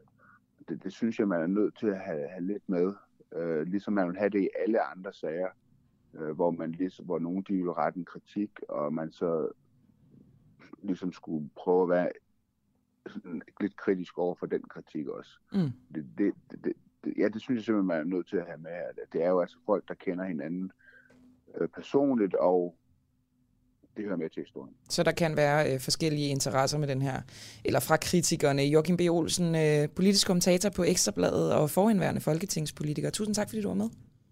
Det var så let. De råd, man får som, øh, som barn og ung, de passer ikke helt, fordi man kan faktisk godt leve af sorte penge, hvis man indretter sig på den rigtige måde, og man kan faktisk også leve ganske udmærket på den måde. Sådan snyder danskerne systemet. Hver uge interviewer de to værter, Morten og Peter, danskere, som afslører, hvordan de snyder og bedrager systemet. Jeg har jo fundet nogle, en måde at leve på og noget at arbejde på, som, som gør, at jeg kan fungere uden for systemerne. Alle kan lytte med. Dig, der gerne vil snyde, og dig, som gerne vil stoppe snyderiet, og dig, som bare er nysgerrig. I programmet Snyd og Bedrag kan magthavere opdage, hvor let det er at snyde og så kan de jo lukke hullerne, hvis de vil. Lyt til Snyd og Bedrag på den uafhængige app, som kan downloades gratis. Og det var et lille spot eller en teaser for et andet, jeg nævnte tidligere, det øh, program, der skulle hedde Oppositionen, som er et program, vi kommer til at sende på kanalen i den nære, nære fremtid. Og det her program, det hedder Snyd og Bedrag, og kommer også snart på vores flade. Det er en, øh, en af de her øh, programmer, som vi forhåbentlig kommer til, eller kommer til at gøre, at øh, det bliver lidt federe for jer, der er medlemmer. Det kommer nemlig til at være noget, man skal være medlem for at lytte til, og det bliver i den allernæreste fremtid, at det bliver tilgængeligt. De første programmer, de er simpelthen allerede optaget, så det, øh, det kan man se frem til.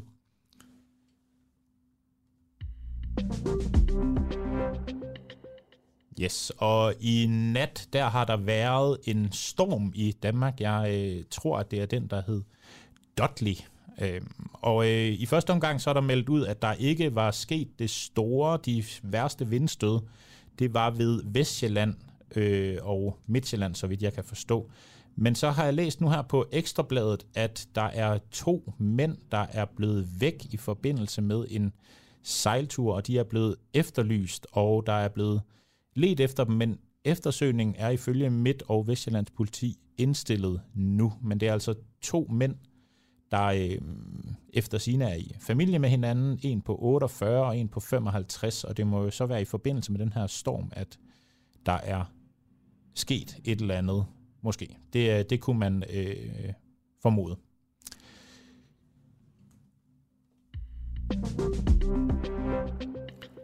Og så skal vi snart til interviewet, som jeg tidligere teasede for med øh, Henrik Ullum, som der jo er direktør i Statens Serum Institut, og øh, han har været ude for, eller Statens Serum Institut har været ude for lidt af en shitstorm på Twitter, som er, ligesom er blevet, hvad skal man sige, dem, der står bag shitstormen, det er måske ikke de sædvanlige øh, suspects, men øh, i stedet for nogle højt uddannede forskere øh, fra USA og herunder en Nobelprismodtager.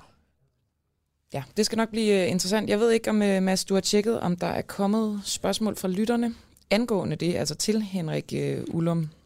Jeg har, ikke, jeg har i hvert fald ikke lige uh, set nogen Jeg synes, endnu. jeg skal skrive ind. Skriv uh, SSI i versaler, og så skriv jeg spørgsmål til Henrik Ullum. Jeg ved, jeg ved bare, at det her det er noget, der optager vores lyttere rigtig meget, så benyt endelig chancen. Øhm, nå, nu skal vi til en historie, som øh, jeg tænker, at vi vil forfølge en del her på øh, kanalen. Den er ret vild. Lader sundhedsmyndighederne dig i stikken, hvis du har både en psykisk diagnose og på samme tid er misbruger. Øh, hvis man har en sindslidelse og er afhængig af rusmidler, kan man nemlig møde en øh, ret lang række af lukkede døre. For misbrugscentrene har ikke mulighed for at hjælpe misbrugere med sindslidelser. Omvendt kan psykiatrien heller ikke hjælpe sindslidende med misbruget. Mia Christine Hansen, formand i Sind. Hvorfor møder mennesker med øh, dobbeltdiagnoser så mange udfordringer? Og godmorgen. Godmorgen til dig, og tak fordi jeg må være med.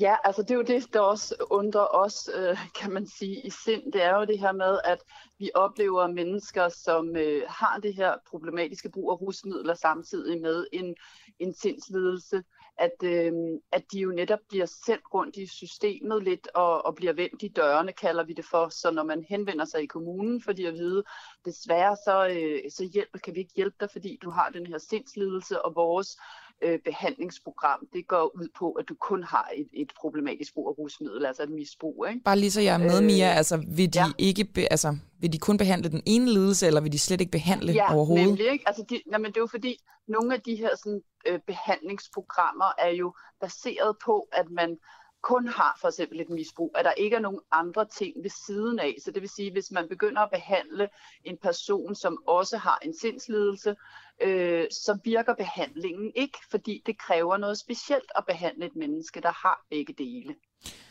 Og hvor, hvor, hvor hyppigt er det, at folk har de her dobbeltdiagnoser, altså sindslidelser og, og misbrug?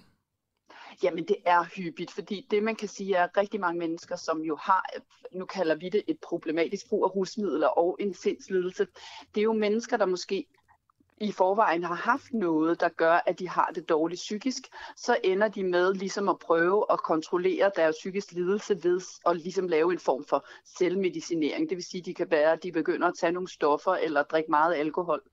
Øh, så, og, og så kan det lige så godt være, at man ender med at begynde at, at bare prøve at tage nogle stoffer, og så man ender med at blive misbrug, og så det misbrug gør, at man så rent faktisk også får det psykisk, fordi man jo bliver belastet i sin hverdag, og ikke længere kan opretholde øh, et job for eksempel. Så på den måde bliver man så udsat og, og psykisk dårlig. Ikke? Og som så mange andre øh, psykiske ting, så hænger tingene tit rigtig meget sammen. Kan du ikke genkende til det tal, jeg har liggende foran mig, hvor der står, at 33 procent af mennesker med sindslidelser oplever rus middelmisbrug på et tidspunkt i deres liv?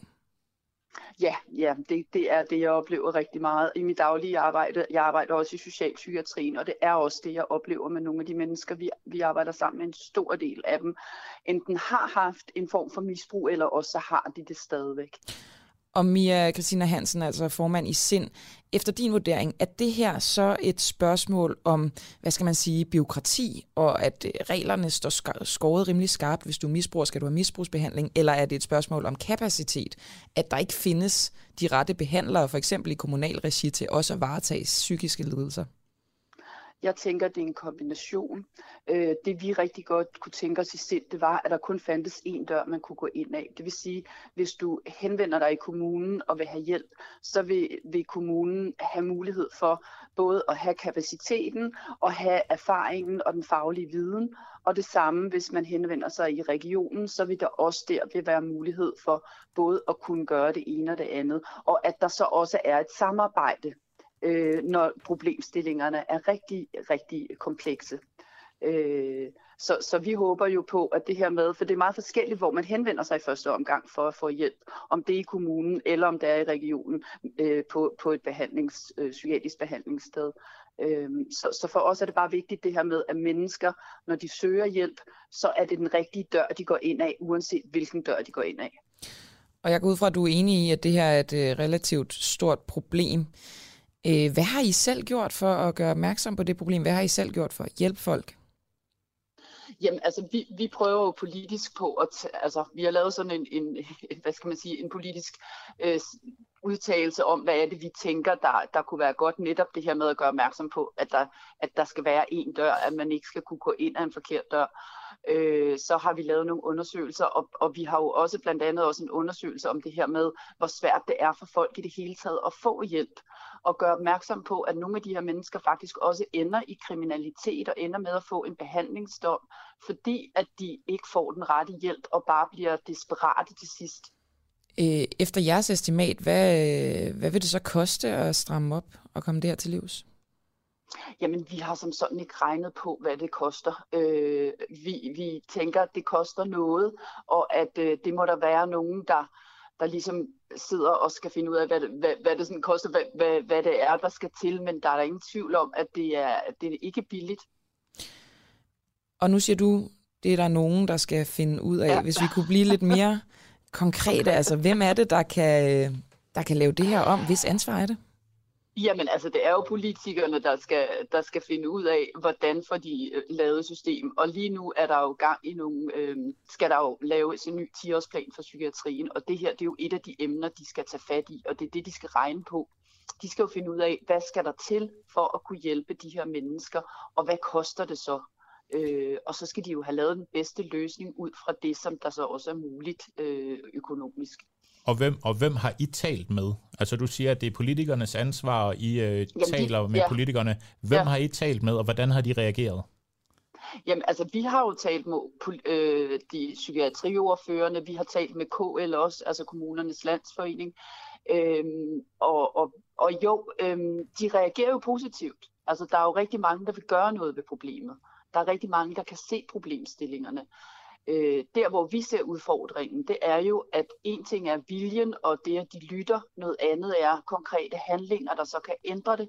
Fordi det er jo ikke psykiatriordførende alene, der sidder og bestemmer det her. Der, der, det er jo et helt mekanisme. Det er jo også, vi skal jo også have fat i, i øh, finansordføreren for eksempel, eller finansministeren, ikke? Øh, der også skal være villig til os at, at, at, at ligesom gøre noget ved det. Ikke? Hvor længe har I øh, observeret og oplevet det her problem? Jamen det er jo noget, der har stået på i rigtig, rigtig mange år, kan man sige. Øhm, og det er jo bare blevet værre i takt med, at der er blevet skåret mere og mere i psykiatrien. Kan du sige sådan, hvor mange år cirka?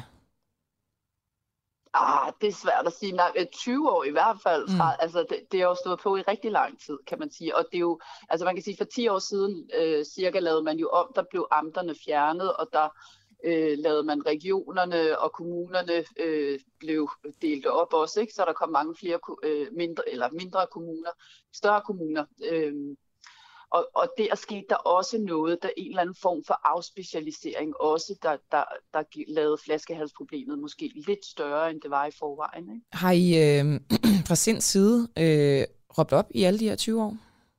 Ja, det gør vi. Vi råber hele tiden op. Øh, vi er hele tiden både kommunalt og regionalt og nationalt i kontakt med politikere. Det, det er jeg jo på en måde en lille smule ked af at høre, fordi hvis I har råbt op i 20 år, og der stadig er et problem, ja. hvad er det så, der skulle ja. gøre, at der vil ske noget nu? Jeg tror, at, øh, at nu er, er problemet så stort, så det begynder at ramme så mange mennesker, så, så der er mange flere, der begynder at råbe op. Altså jeg tror, det der med, før man selv oplever det, øh, så er det ikke altid, man ser tingene som et problem. Men jeg tror, at der nu er så mange mennesker berørt af det her, så nu øh, vil der være et meget større fællesskab om at få råbt op. Altså det virker jo som et, et ekstremt stort problem det her, altså at, at der er så mange, der har så svært ved at få behandling. Altså, mm. når I har talt med psykiatriordfører og sådan noget, der, er der, og du siger så, at, at I også skal tale med finansordfører og sådan noget, men er der virkelig mm. ikke nogen af dem, der har sagt, det tager jeg videre, det her, og det vil jeg gøre jo, noget jo. ud af? Jo, jo, det gør de alle sammen. Det gør det de, alle sammen. de alle sammen? Det siger ja. de alle sammen? Okay, men der er ja, ikke ja. nogen, der, der har gjort noget ved det hidtil? I, altså, der, der bliver jo gjort lidt, og det er jo det, der er. Der, bliver sker, der, der kommer jo små øh, projekter op rundt omkring i kommunerne og regionerne, og der er jo blandt andet også øh, region Øh, hovedstaden har jo nogle M-afsnit, som kan behandle begge dele, så der findes jo noget, så det er jo ikke sådan, at der ikke findes noget, men det er bare meget øh, tilfældigt, hvor det findes, og det er meget forskelligt, om man lige er heldig nok til at ryge ind i et af de tilbud. Hvis I nu kunne bestemme, altså hvordan skulle det så, skulle de her tilbud, så skulle der bare være flere af dem, eller skulle der være noget helt andet? Altså hvad er der brug for? Altså jeg tænker, der er brug for, at man ligesom nytænker os og kigger på, hvad er der, og hvad er det, vi har brug for, og hvad er det så, vi skal have gjort. Øh, og blandt andet det, som jeg nævnte før om, at der kun er én indgang. At uanset om man henvender sig i kommunen, eller man henvender sig i regionen, så skal man kunne få den rette hjælp. Og Mia Christina Hansen, formand i Sind, jeg har lige et sidste spørgsmål. Jeg er blevet mærke i, at du sagde, at øhm, det bliver værre og værre det her. Altså, tallene er stigende. Kan du sige, hvor øh, stigende tallene er? Øh, nej, det, det kan jeg desværre ikke, fordi det er jo det der igen, det, det, det er faktisk ikke noget, der findes ikke så super mange tal, fordi at psykiatrien er ikke så interessant. Men hvordan ved du så, det er stigende? Måde. Altså, hvordan kan du så sige øh, helt sikkert, at det er stigende? Helt sikkert at stigende. Ja, altså det er fordi, at der er jo for eksempel lige kommet den her rapport, øh, eller ikke rapport, det faglige oplæg i forhold til øh, psykiatriplanen, 10-årsplanen, og der står jo også i der, at, at det er blevet et stigende problem øh, igennem årene, ikke? At, at folk med psykiske lidelser simpelthen ikke kan få den rette hjælp, og det er jo både med og uden øh, et problematisk brug af rusmidler. Ikke? Øh, der er tal for børn og unge, øh, der ved jeg, der er tal, hvor at man siger, at inden for de sidste 10 år er der en 50% stigning på børn og unge, som får en psykiatrisk diagnose. Øh, Men det har ikke noget med misbrugsdelen at gøre, eller hvordan? Jo, det har det jo, fordi det er jo netop nogle af dem her, som ikke får den rette hjælp, som så mm. ender med at have et misbrug, fordi de ikke får den rette hjælp, og så begynder at selvmedicinere sig, og så have ligesom få et problematisk brug af rusmidler af enten stoffer eller alkohol eller noget. Så det hænger sammen det hele. Tusind tak for det, Mia Christina Hansen, formand i SIND. Tak skal du have. Ja, en øh, klassisk omgang biokrati, må man sige. Det er ja, ja. i hvert fald det, jeg sidder tilbage med. Helt klart, og øh, det er jo selvfølgelig noget, som, altså hold op, jeg vil gerne snakke med, øh, med ordfører. Og der øh, kommer Mia jo med et meget godt bud, både sundhedsordfører, men altså også finansordfører på en eller anden måde, ikke? fordi det her er jo også et spørgsmål om penge i høj grad. Og nu skal vi til det. Du har teaset for det hele morgen, Mads. I øvrigt, hvis lytterne har et øh, bud på et synonym for tease, så please skriv det ind, for jeg, jeg kan simpelthen ikke selv finde det, og jeg, jeg er ved at være godt og grundigt træt af det ord.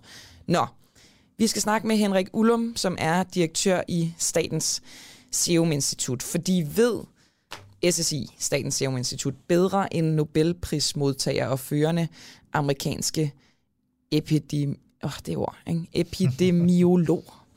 En øh, række amerikanske eksperter er nemlig ret alarmeret over den øh, danske genåbning efter corona, som har fået ret meget omtale, også i internationale medier. Der har vi fået den opmærksomhed, som vi så ofte skriger en lille smule på. Og i, i en regulær øh, Twitter-storm, så øh, kritiserer øh, de særligt de stigende danske dødstal, som ligger ifølge dem langt over verdensgennemsnittet. Og øh, nu kan vi sige god morgen til Henrik Ullum, som er direktør i SSI.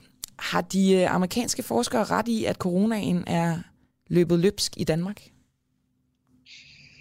Vi har jo i hvert fald nogle meget høje smittetal øh, på nuværende tidspunkt øh, i Danmark, men, men det de amerikanske forskere glemmer at gøre opmærksom på, det er, at vi har set en meget, meget ændret forhold mellem, hvor mange smittede der er, og hvor mange der bliver alvorligt syge. Øhm, vi har jo nu øh, 40-50.000 smittede om dagen. Det er cirka 10 gange så mange som, som toppen af sidste års bølge. Men hvis vi ser på konsekvenserne for vores samfund, så er det for de alvorligste syge, så er det meget, meget øh, mildere. Øh, vi har for eksempel på nuværende tidspunkt kun omkring 30 på intensiv. Det er kun halvdelen af dem, der ligger i respirator, og selv dem, der ligger på intensiv, der er mange af dem, der ikke får behandling for covid.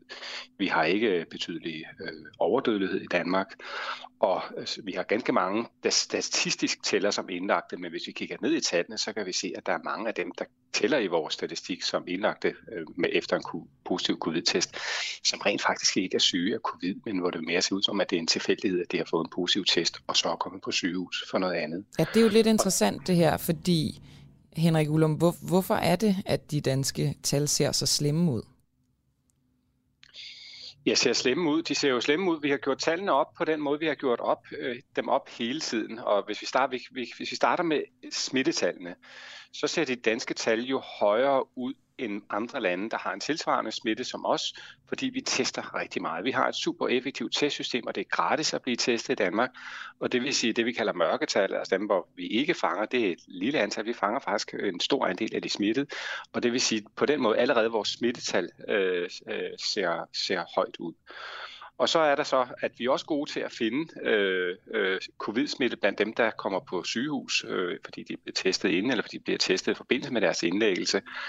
Og det vil sige, selv dem, som øh, måske kommer ind med et brækket ben, men så har haft covid øh, i op til, og det er der en meget stor andel af os, der har haft her det, hen over vinteren, der har mm. haft covid, øh, så kommer de til at tælle i, i statistikken, selvom det brækkede ben jo altså ikke har noget med, med infektionen at gøre. Og det, det vil jeg gerne lige vende tilbage til det der, Henrik øh, Ullum, men, men udregner øh, I hos SSI de danske til øh, anderledes, end hvordan andre lande gør, siden at øh, reaktionen fra udlandet er, som den er? Nej, den måde, vi udregner til, der, der er ikke sådan 100% konsensus på, hvordan man gør det, men de fleste lande har lavet overvågningssystemer, der minder rigtig meget om det danske øh, system. Vores er mere øh, detaljeret og mere finmasket, øhm, og det er altså baseret på typisk, hvem der bliver testet, om man så øh, enten bare er testet, eller man bliver indlagt, eller man dør. Øh, det vi jo så bare har set her det sidste stykke tid, det er, at at Mm, da, da omikron kom, og da vi samtidig havde en meget høj vaccinationsrate, så kunne vi se, at vi var nødt til at kigge dybere ned i tallene for at forstå tallene øh, endnu bedre. Og det vil sige altså kigge efter, jamen dem vi nu ser på sygehuset, hvor mange af dem er reelt øh, syge. Vi kan fx se, at det er øh, over en femtedel, der er øh, indlagt på, på psykiatriske afdelinger. Og det er jo ikke fordi, man i Danmark indlægger covid-patienter på psykiatriske afdelinger. Det er jo altså et af de eksempler på, at, at man altså kan komme komme til at tælle i statistikken af en tilfældighed. Og, og Henrik Ullum, du siger, at jeres tal er ganske fint masket. Man kan sige, at det tog jo altså også medier ret lang tid at finde ud af, at jeres øh, indlægningstal, det er netop, som du siger, viser folk, der er indlagt med corona og ikke på grund af corona. Har du på noget tidspunkt haft en anelse om, at danskerne faktisk ikke forstod jeres tal korrekt? Jamen det man kan sige, det er, at situationen har ændret sig. Fordi når vi kiggede, når vi kiggede på det her tidligere i epidemien, og det gælder både indlæggelse og dødsårsager, så kunne vi se, at, at hvis vi gik tilbage i 2020, eller før vi fik en stor del af befolkningen vaccineret, så langt, langt hovedparten af dem, der talte i statistikken, enten som indlagt eller døde, der var det covid, der var hovedproblemet. Men her til vinter, da vi så både har haft en enorm høj vaccinationsrate, vi har haft en mildere øh, øh, variant, omikron, øh, og samtidig en meget høj smitte, så har vi simpelthen kunnet se, at nu begyndte statistikken at blive misvisende. Mm. Så vi har jo heller ikke gjort os meget umage med at forklare på, at der er altså lidt, der er lidt støj, og, der, og for at gøre det yderligere komplekst, så er der faktisk også lidt støj den anden vej. Vi ser på dødstallene, så siger vi, at man tæller i vores statistik, hvis man har haft en PCR inden for 30 dage, øh, før man er død, så tæller man i statistikken. Men man kan altså også godt dø af alvorlig covid, selvom det er gået mere end 30 dage. Så der, der har været sådan lidt gynger og karuseller i den type statistik. Men alt i alt har den indtil omikronbølgen ramt os, givet et godt retvisende billede. Men med omikronbølgen, der har vi bare været nødt til at detaljere statistikken yderligere. Og så det, så det er der, altså det er med omikronbølgen, at du får på fornemmelsen? At danskerne ikke forstår tallene rigtigt. Men, men, men det er jo også før, altså tallene har jo hele tiden været indlagt med corona, så kan det godt være, at tallene har ændret sig, hvem, hvem der er øh, indlagt på grund af corona og med corona, men hvornår, altså hvornår får du den her enelse om, at de her tal bliver misforstået? At vi simpelthen som befolkning tolker med corona som på grund af corona? Jamen, det er en diskussion, der har kørt længe, men, men, øh, og, og, men det der jo har været, det er jo, at starten af epidemien, der har det været sådan, at langt de fleste af dem, der var i vores statistik, de var altså indlagt både med og for corona. Men du siger langt de fleste, Henrik Ullum, det er jo ikke alle. Nej, det er rigtigt. Og det, der skal vi se, hvorfor er det, vi laver den form for statistik, vi gør. Vi har ønsket at lave en tidstro registrering. Problemet, når man skal lave en præcis registrering af øh, årsager til indlæggelse, så har vi brug for at vente på, at data kommer ind i landspatientregisteret. Og det gør det typisk i løbet af et par uger, men nogle gange går der endnu længere tid. Og det vil sige, at hvis man vil lave den type statistik, så er man nødt til at kigge bagud i tiden. Og så skal vi altså kigge på 3-4 uger gamle data, for at det sådan er ordentligt retvisende. Men hvad er der i vejen for at gøre det? Jamen, det, det, er da, det er rigtig fint at kigge på, men det, er også, men det er jo ikke godt, når man skal styre en epidemi, for der er man nødt til at se på, hvordan er situationen lige her og nu. Og det er det, vi har brugt tallene til. Vi har brugt men, dem til rent praktisk også. Ja, undskyld, ja. jeg afbryder, men det er jo så ikke et billede af situationen lige nu. Hvis folk opfatter det som om, at de tal, I viser, er folk, der er indlagt på grund af corona, så er det jo heller ikke et retsvisende billede af situationen man skal gøre sig klart, at vi kan ikke lave en perfekt opgørelse. Vi kan ikke lave en fuldstændig tidstro opgørelse, som samtidig er perfekt med, med alle detaljer om med og for øh, covid. Der er simpelthen der er gynger og karuseller. Øh, vi, har, vi har valgt at lave en tidstro opgørelse i lighed med langt de fleste andre lande, simpelthen for at kunne give de bedste styringsredskaber for det danske samfund. Og det er jo så et valg, I, I træffer, Henrik Ullum, at øh, der ligesom kan, kan ligge nogle misforståelser forbundet med jeres tal, og så vælger I så det, fordi det er tidsvarende kontra et måske mere præcist tal, som så ikke var tidsvarende. Har I haft en interesse i at male et måske lidt mere alvorligt billede? Nej, det har vi ikke, og vi har også øh, tydeligt øh, gjort opmærksom på, at der har været indlagte, som ikke har været syge af covid. Vi har lavet rapporter om det, og vi har ikke haft det på vores daglige dashboard, øh, men vi kunne se i starten af epidemien, der var der et lille tal, og så har vi kunnet se, at det er steget. Det steg faktisk også lidt hen over efteråret, og det har vi så givet i øh, rapporter, man har kunnet læse øh, fuldstændig åbent øh, og transparent. Og findes der... Ja, undskyld en afgørende ændring så i, hvor virkelig at andelen af patienter i vores statistik, den nationale statistik, der er indlagte, men altså ikke er syge af covid, er begyndt at stige. Det er så her hen over vinteren, og der har vi så lagt op på vores dashboard, så man kan se det. Og I kommunikerer det klart og tydeligt og tidsvarende nu? Hvem der er indlagt som jeg, med? Og, som som og jeg sagde før, så, så, er der, så, er der, så, er der, så kan vi ikke gøre det med indlagt med og, og få helt tidstro, for vi er afhængige af, at vi får data ind i landspatientregisteret og kan udrede det, så det kan vi gøre. Det gør vi Så, så jeres tal er i virkeligheden stadig en lille smule misvisende. Jeg, jeg er lidt interesseret i det her med, at man kun kan få ikke tidsvarende data, Henrik Ullum. Altså, er det simpelthen ikke muligt at lave en teknologi, der kan indhente data fra dag til dag? Den måde, det danske system er sat op, det er jo, at, at når, når man bliver indlagt, så får man, så får man en indlæggelseskode, og så bliver man så, øh, det bliver så registreret af de læger, der behandler en, og så i løbet af sygdomsforløbet, så får man registreret færdigt, øh, hvad man har fejlet under sit, øh, sin indlæggelse, når man bliver udskrevet, så får man nogle koder. De skal så ind i nogle elektroniske systemer, det er det, der hedder landspatientregisteret, og derfra skal vi så fiske koderne ud, og så med det gøre op, hvem der har været syge af, eller øh, med øh, covid. Og, og det, måde, det er sat op, og det er jo lidt ud over vores øh, øh, muligheder lige her og nu ændre på det. Der er simpelthen noget forsinkelse i data, og noget af det, det skyldes selvfølgelig jo altså også, at lægen skal altså lige have tid til at stille den rigtige diagnose. Det, som systemet er nu, Henrik Ullum, man kan sige, under øh, pandemien her har I jo altså, øh, hvad skal man sige, registreret i, i hoved- og bagparti, så, så hvorfor ikke lave en ny form for registrering, simpelthen en eller anden, der står og, og, og venter på folk, der bliver, bliver indlagt, og så ligesom laver den registrering på stedet for at få retvisende data? Jamen som sagt, så den, der har det bedste overblik over, hvad patienten øh, fejler, det er jo altså den patient, eller måske den læge, der, der indlægger, og de laver de her koder, når de, når de øh, indlægger patienterne, men i løbet af en indlæggelse får man tit en anden opfattelse af, hvad hovedproblemet kan være. Men det er vel ret hurtigt at konkludere, om man kommer ind på hospitalet på grund af corona, eller på grund af noget andet. Du snakker brækket ben, du snakker øh, psykiatrisk. Altså, det, det må vel være ganske hurtigt at lave den konklusion.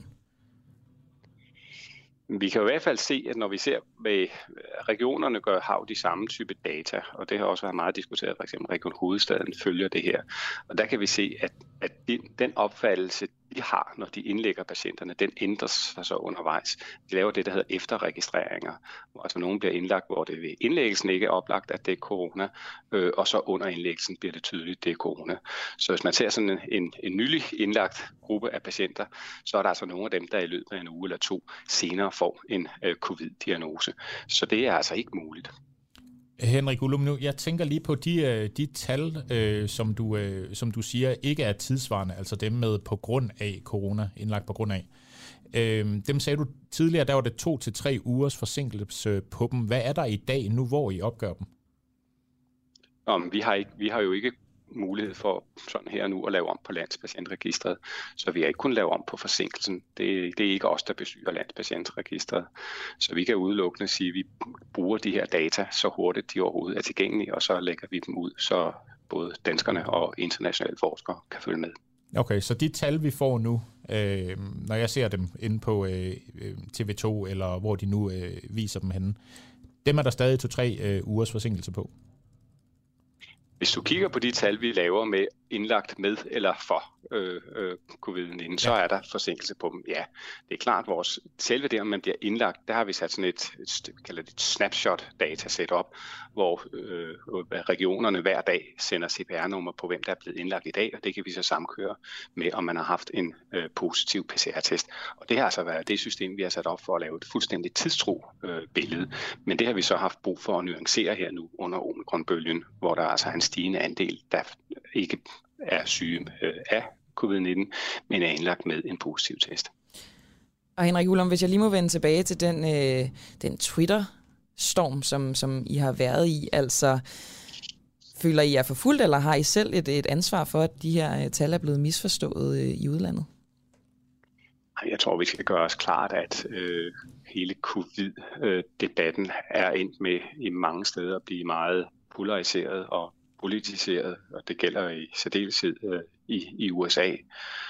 Øh, og jeg tror også, at noget af den debat, der er blandt amerikanske forskere, også skal tænkes ind i sådan en amerikansk kontekst, hvor, hvor der jo så fløje, der peger på Danmark og siger, men prøv at høre, Danmark de har genåbnet, det skal vi også bare skynde os at gøre. Der er det vigtigt at lige øh, øh, gøre sig klart, at hver land skal jo lige kigge på sine, sine forudsætninger for, hvordan man håndterer epidemien. I Danmark har vi en rigtig, rigtig høj Øh, vaccinationsdækning, som jo er meget, meget vigtig i den her afkobling af, at vi ser mindre sygdom øh, i forhold til, hvor mange smittede, så har vi et stærkt offentligt øh, sundhedsvæsen, der er i stand til at tage sig af dem, der bliver syge.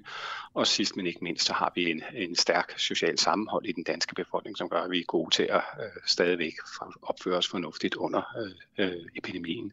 Så, og de tre, faktorer, for... de, tre, ja, de, tre, de, de tre faktorer har jo været afgørende for, at vi har lavet den vurdering, at det har været sikkert for det danske samfund at genåbne. Og det er klart, hvis man så sidder og kigger på det amerikanske system og siger, nu er der nogen, der siger, at vi også bare skal genåbne, og ikke rigtig kan lave øh, krydse alle de her forudsætninger af, at det er vi ikke klar til, så kan man være blive bekymret for, at det danske eksempel bliver hævet frem som, når alle lande kan bare genåbne, og det er jeg ikke sikker på, at de kan. Så, så altså man kan sige, den her, øh, det, det er for, amerikanske forskers mistolkning, og de mistolker, fordi de også øh, i amerikansk kontekst har en agenda med at mistolke.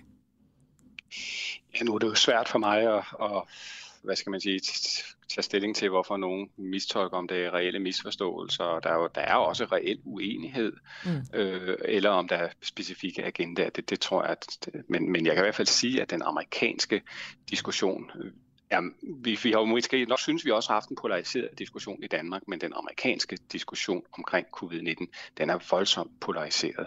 Øh, og, og det giver, gør så også, at udenlandske eksempler bliver hævet ind i den amerikanske debat. Og I er decideret offer for fake news?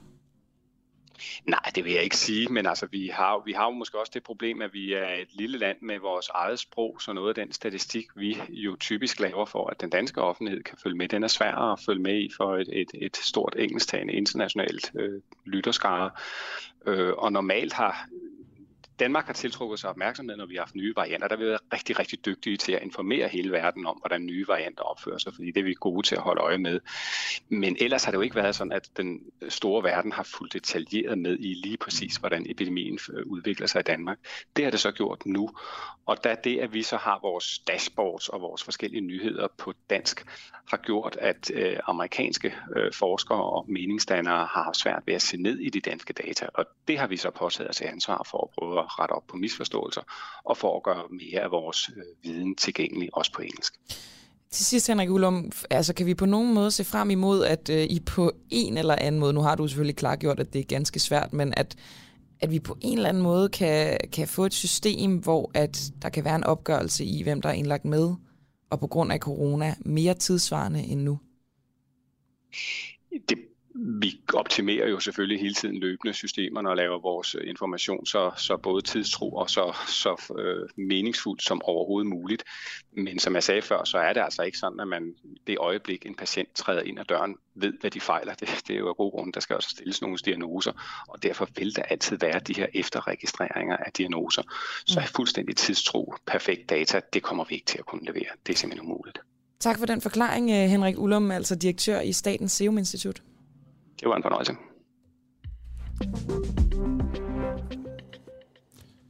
Ja, det var Henrik Ullum, direktør for øh, Serum Instituttet. Øhm, I dag, der, øh, øh, når af, øh, udsendelsen her den er slut klokken 9, så, øh, så dør signalet ikke.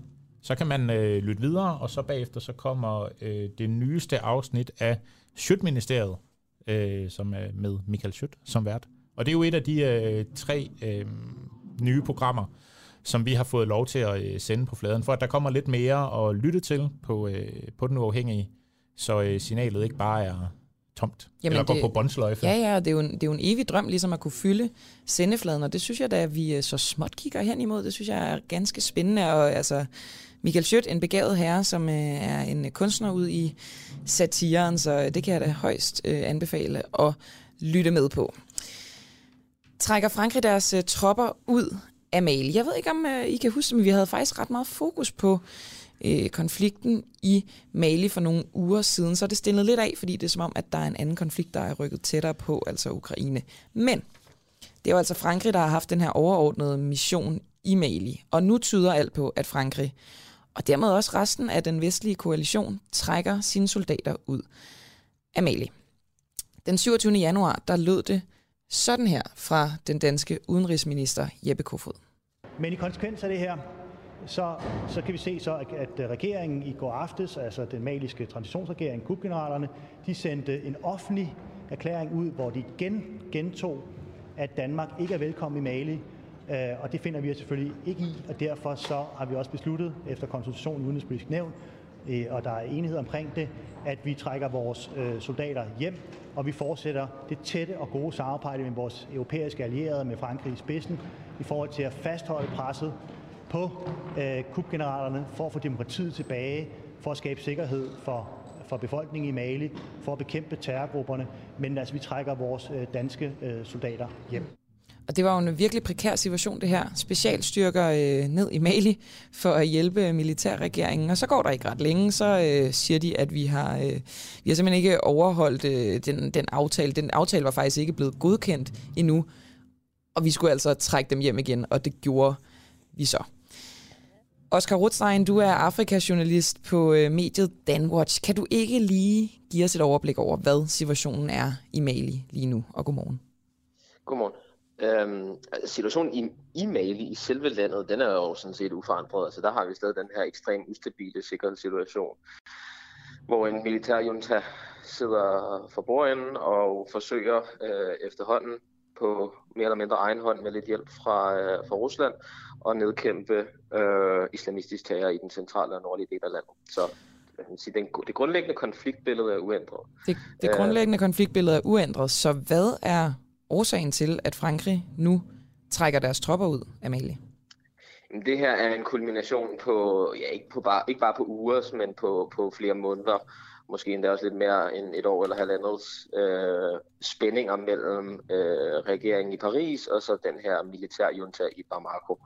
Og der er rigtig mange kapitler i den fortælling, øh, men fælles for alle de træk, de forskellige parter har, har lavet gennem det seneste lange stykke tid, er, at øh, at de er at de råd, råd på kant med hinanden, og, øh, og at øh, forholdet i dag ikke bare er ikke bare er problematisk, men fuldstændig dødt.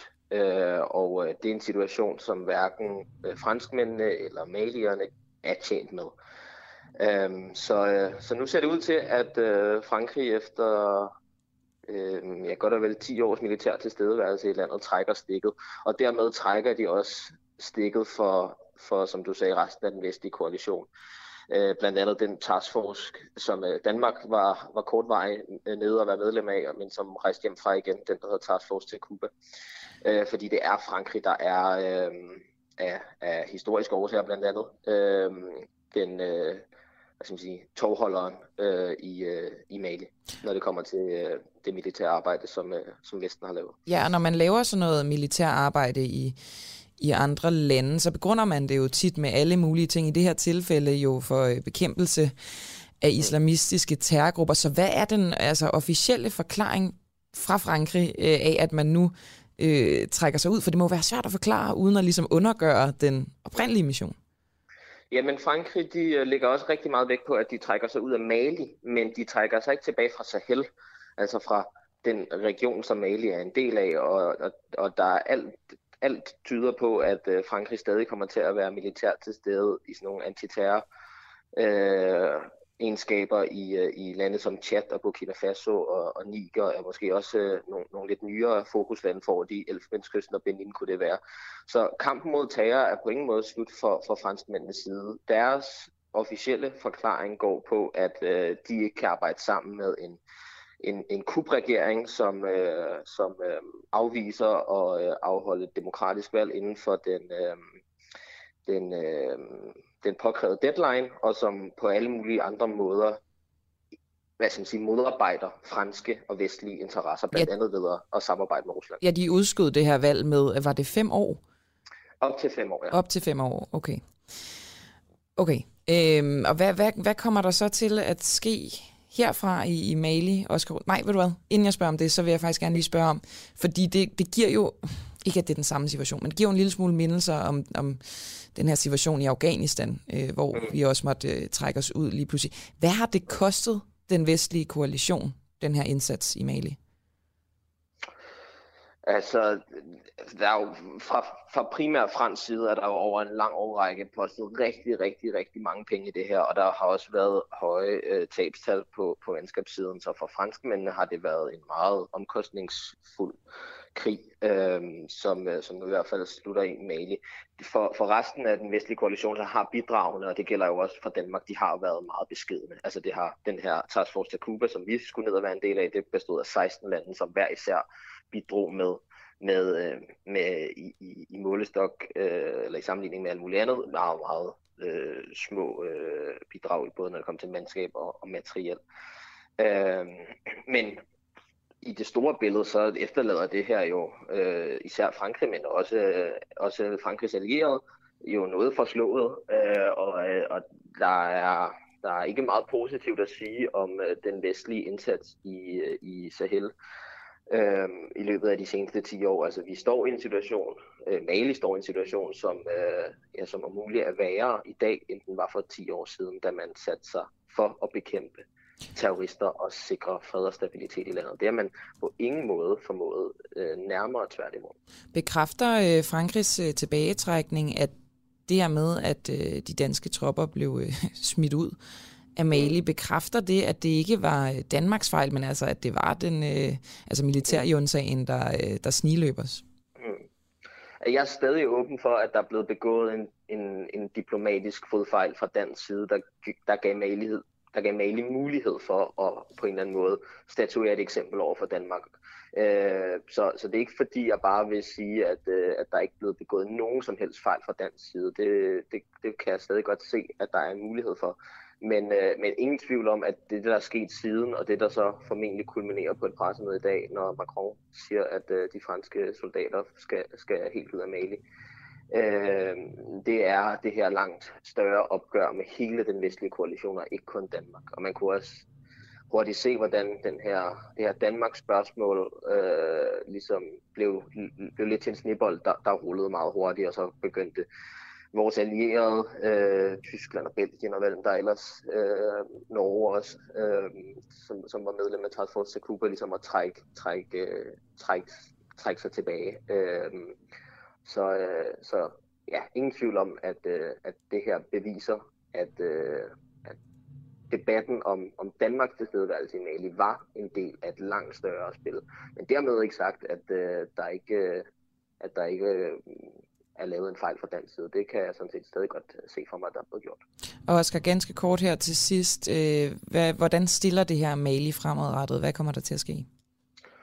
Jamen, Mali, der er ikke meget, der tyder på, at Malis forsvars- og sikkerhedsstyrker selv kan øh, varetage sikkerheden i landet. Øh, det, det har de vestlige styrker så heller ikke kunne hjælpe dem med, men, men øh, det gør ikke nødvendigvis Malis forsvars- og sikkerhedsstyrker i stand til at gøre et, et bedre job. Øh, Øh, og den hjælp, de kan få fra, fra russiske lejesoldater i, i Wagner-gruppen, er, er ikke nok øh, til at hverken sikre fred eller stabilitet, og slet ikke til at sikre demokrati i landet.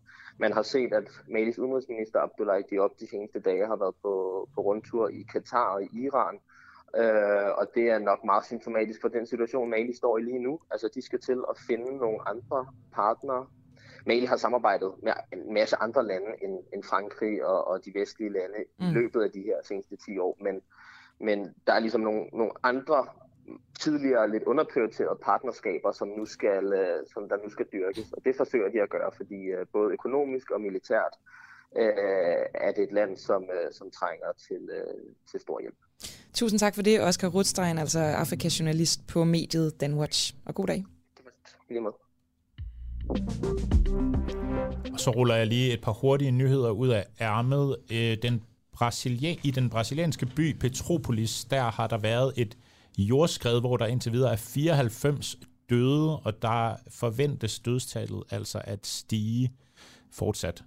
Og så er det i dag, Camilla, at Lars Finsen, forsvarschefen, der er varetægtsfængslet, at han finder ud af, om hans anken til landsretten, om den, øh, hvilken vej den kommer til at gå. Og det er altså ikke, det er ikke om hans øh, forbrydelser, det er øh, hans varetægtsfængsel. Ja, det handler om varetægtsfængslingen.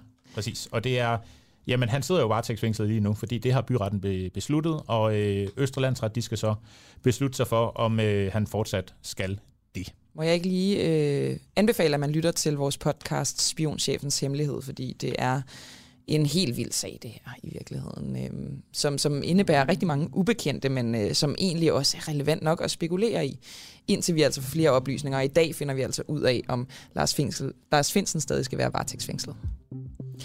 Og med det, Mads Bjergård, der kan vi sige tak for i dag. Programmet var jo sat sammen med dig. Du var redaktør. Ja, det var det faktisk.